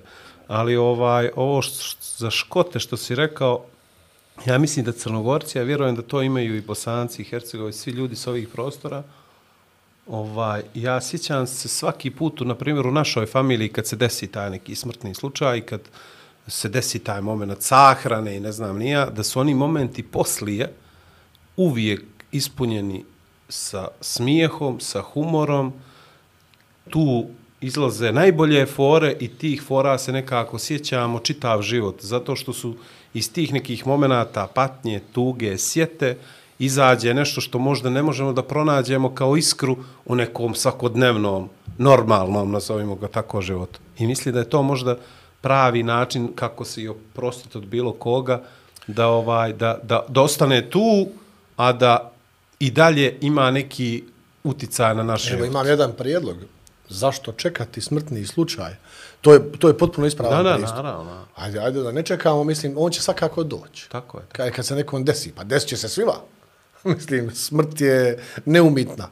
Ali pošto će se desiti svima i, i sve smo, postigli smo konsenzus oko toga, ajde, ajde da, da budemo veseli, da govorimo o tome koji je otišao tamo na neko putovanje ili preko rijeke, kako god to tumačili, da se smijemo tada, pa hajde da se smijemo i u životu. Tako. Da ga, da ga ne uzmamo preozbiljnoga i da se ne bavimo glupostima. Ja sam u Nepalu, odmah hodam sa šerpom Furba Ongdi Šerpa, koji je bio glavni na ekspediciji. Ja sam se odmakao ispred grupe 20 metara, nešto sam se zamislio. I on meni kaže, Tomo, je li sve u redu? Ja se okrenem i kažem, jeste u redu, mislim, šta me sad pitaš? A on dođe do mene i kaže on, ja moram da pitam. Pa rekao, zašto moraš da pitaš? Na ovoj ekspediciji mi smo svi kao porodica. A meni je stagla knedla u grlu, knedla mi stagla u grlu, ja dolazim iz Balkana. Ja sa furbom nemam ništa zajedničko. Manji je od mene pola metra, nemamo istu boju kože, ne dijelimo nikakvu, nikakvu kulturu, ni tradiciju. Ni prošlo, Jezik, ni ma- budućnost. Pusti je uzeo pare. Nismo se, i plus mi, ja šalim se, ali, ali ali govorim, ali dobro, ali ja sa furbom nemam ništa zajedničko. I meni kaže, furba, mi smo porodica. Ja se moram poslije Nepala vratiti u Sarajevo, u Bosnu i Hercegovinu, na Balkan. Šta da kaže? Mi, ovdje, mi se ovdje siti ispričali. Vi govorite crnogorski, ja govorim uh, srpski, hrvatski ili bosanski, koja su tri jezika u Bosni i Hercegovini, tako? A u stvari govorim jezik, ja sam učio srpsko-hrvatski u osnovnoj školi, tako da kod mene, kod mene ni tamo ni vamo, govorim tako i ne brinem se oko toga, ali važno je da se razumijemo. Mi se siti ispričali. Mi jedemo slična jela. Mi živimo udaljeni jedni od drugih zračne linije, 200 km. Da, da Kolima 9,5 sati. kolima 10 sati jest preko Šćepan polja. Ali govorim kako, on je mene postidio s tom izjavom, ne znajući. Ja se moram vratiti ovdje na Balkan gdje se mi toliko upiremo da nađemo neku različitost. Mi se, mi se slomimo, mi potrošimo 40-50 godina života da nađemo razliku. Mi smo glupane. Pravi. To je veliki.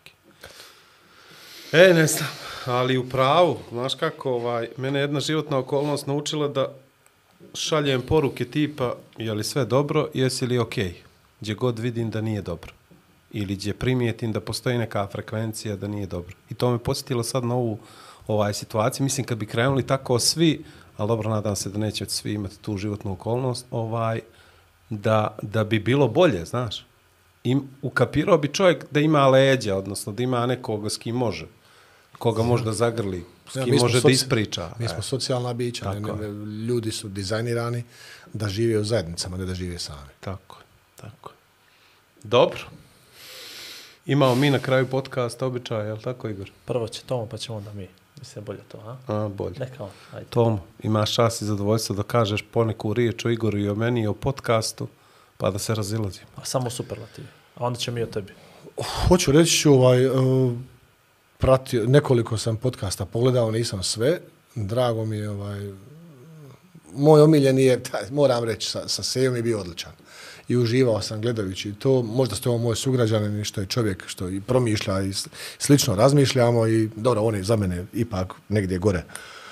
Ali, ali, ali mi je drago i hvala vam što ste me pozvali. Ja sada moram reći punih usta, ja toliko volim Crnu Goru, ja, ja toliko volim doći ovdje ovaj, kod vas, da, da, da, da, ja to ne mogu da opišem. Jesam ja normalan? Ne znam. Ali mi je lijepo. Eto, toliko. To je o podcastu. A moraš sad o vladu, pa o meni. Jer ćemo mi o tebi lično. Ništa podcast.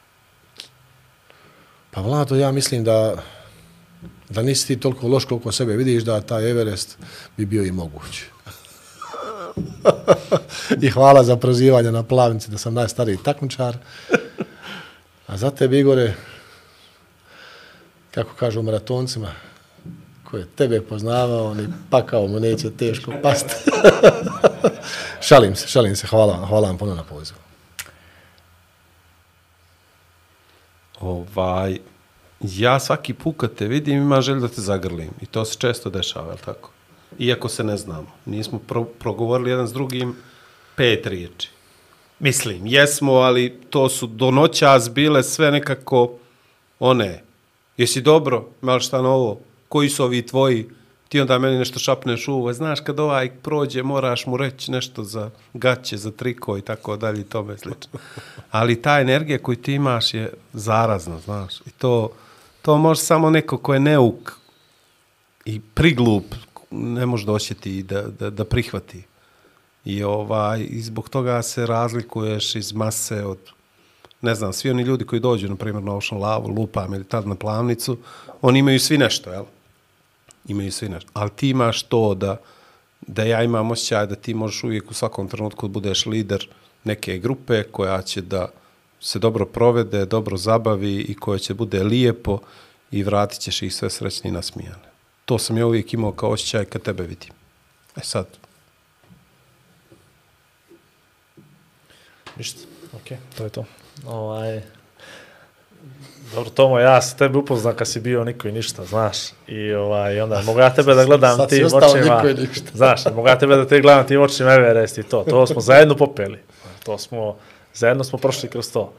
Ovaj, ali e, sa, mislim da će ljudi sada shvate u stvari zašto i, i, i volim da se druži s tobom i cijenim tvoje mišljenje i sve to i privatizovali smo ovaj podcast maksimalno. Ja mislim da nijedna epizoda nije bila ovoliko privatizovana, makar s moje strane, da sam ja toliko neka. subjektivan bio e, ka nekome. Nije ti ali, bilo na ova, početku sve jedno od mati Da, pa dobro, jeste me nagazio i ja sam cijelo vrijeme stiskao zube zato što nije u našoj, uh, nije u našoj ni filozofiji, ni životu da mi gazimo na goste, znaš. A ja mogu reći, sto puta samo mogu reći, mogu i sada mu kaže, znam zašto voli da dođe u Crnogoru, zato što se ne uvati za novčanik ni jednom kad je ođe, razumiješ? Mogu bi takvi stvari da mu pričam, ali neću, nisam ja Ali pazi, takav. pazi ovo što se mene desilo ovdje sa prijateljima u Crnoj Gori. Mo- Ti moram to reći. Ja se, ja se uhvatim za novčanik. Vjerujem, evo je. Ja, ja prob. A meni on kaže, sad dođe konobar, da ja platim. Ja, se, ja, ja kažem, ja ću, kaže on, nemoj ja ću. Ja kažem, daj, daj, daj ja jednom. Kaže on, ti probaj. A konobar neće da uzme pare. ja ne mogu, ja sam, ja, kaže, ti probaj, nemoj on prekriži ruke, ili ti prekrižiš ruke, što mi je još bolje, jel tako da ne? Kaže, ja hoću da plakam konobar, viću, ja ne mogu ništa, to je tako, kad ti probaj. Mislim, gostoljubivost, ovaj, ajmo šalo na stranu. Da, to, to, šalim se. to je meni. Ali dobro, nismo ni mi tako loši. Niste, niste, Dođite- niste. dođite Iskreno da budem, ja. ne sjećam se ja da se ikad uvatio za novčanik kad sam bio u Sarajevu. I, i to je to. Kaka priča, šta je ovo? To je to. Kakvi su ovo dva ministra turizma? ali, ali stvarno, Tomo, uh, hvala ti. Uh, ovo je bio podcast u kojem, ja mislim po prvi put u životu sam zvao gosta da je samo ono trebalo da bude kad u koliko sati, da nikad nije bio hoćeš ili nećeš, nego moraš. On je došao tu, ispunio sva moje očekivanja. Drago mi je što je ovo naše uh, drugarstvo, prijateljstvo ostalo zapisano na ovaj način. Nisam puno pričao, što je dobro. Ti si rekao sve ono što ja mislim. 2 sata, 18 minuta na YouTube-u, ko zna koliko miliona pregleda na TikToku, Instagramu i, i, i šorcima i ostalom nas čeka. Radujem se tome, radujem se komentarima. I to je to. Šaju, daj trojku. Ajde. Da zahvalimo sponzorima na samom kraju. Ao, kako mi je strpila ovaj epizod. Znaš kako se nekako, u stvari nije mi strpila, no sad zen mod. Znaš što je ono? Nisam ono hajpo, zen mod. Dobro, hoćeš ti da nastaviš? Hvala. Meridian Betu.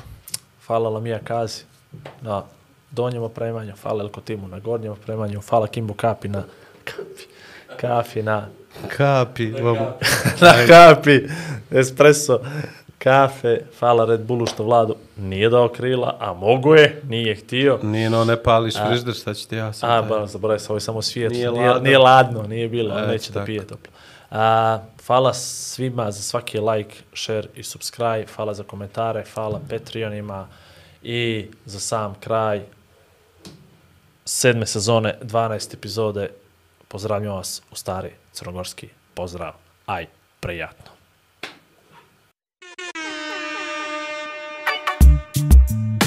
Kruže priče grado. Ko, gdje, kada, što? Igor i Vlado. Aha, znam. Časte te kafom. Ma nemo. Duhom i nadom. Opa. Igor i Vlado. Zabave dosta. Igor i Vlado. Kulture sporta. Glavom i bradom. Vrhunski podcast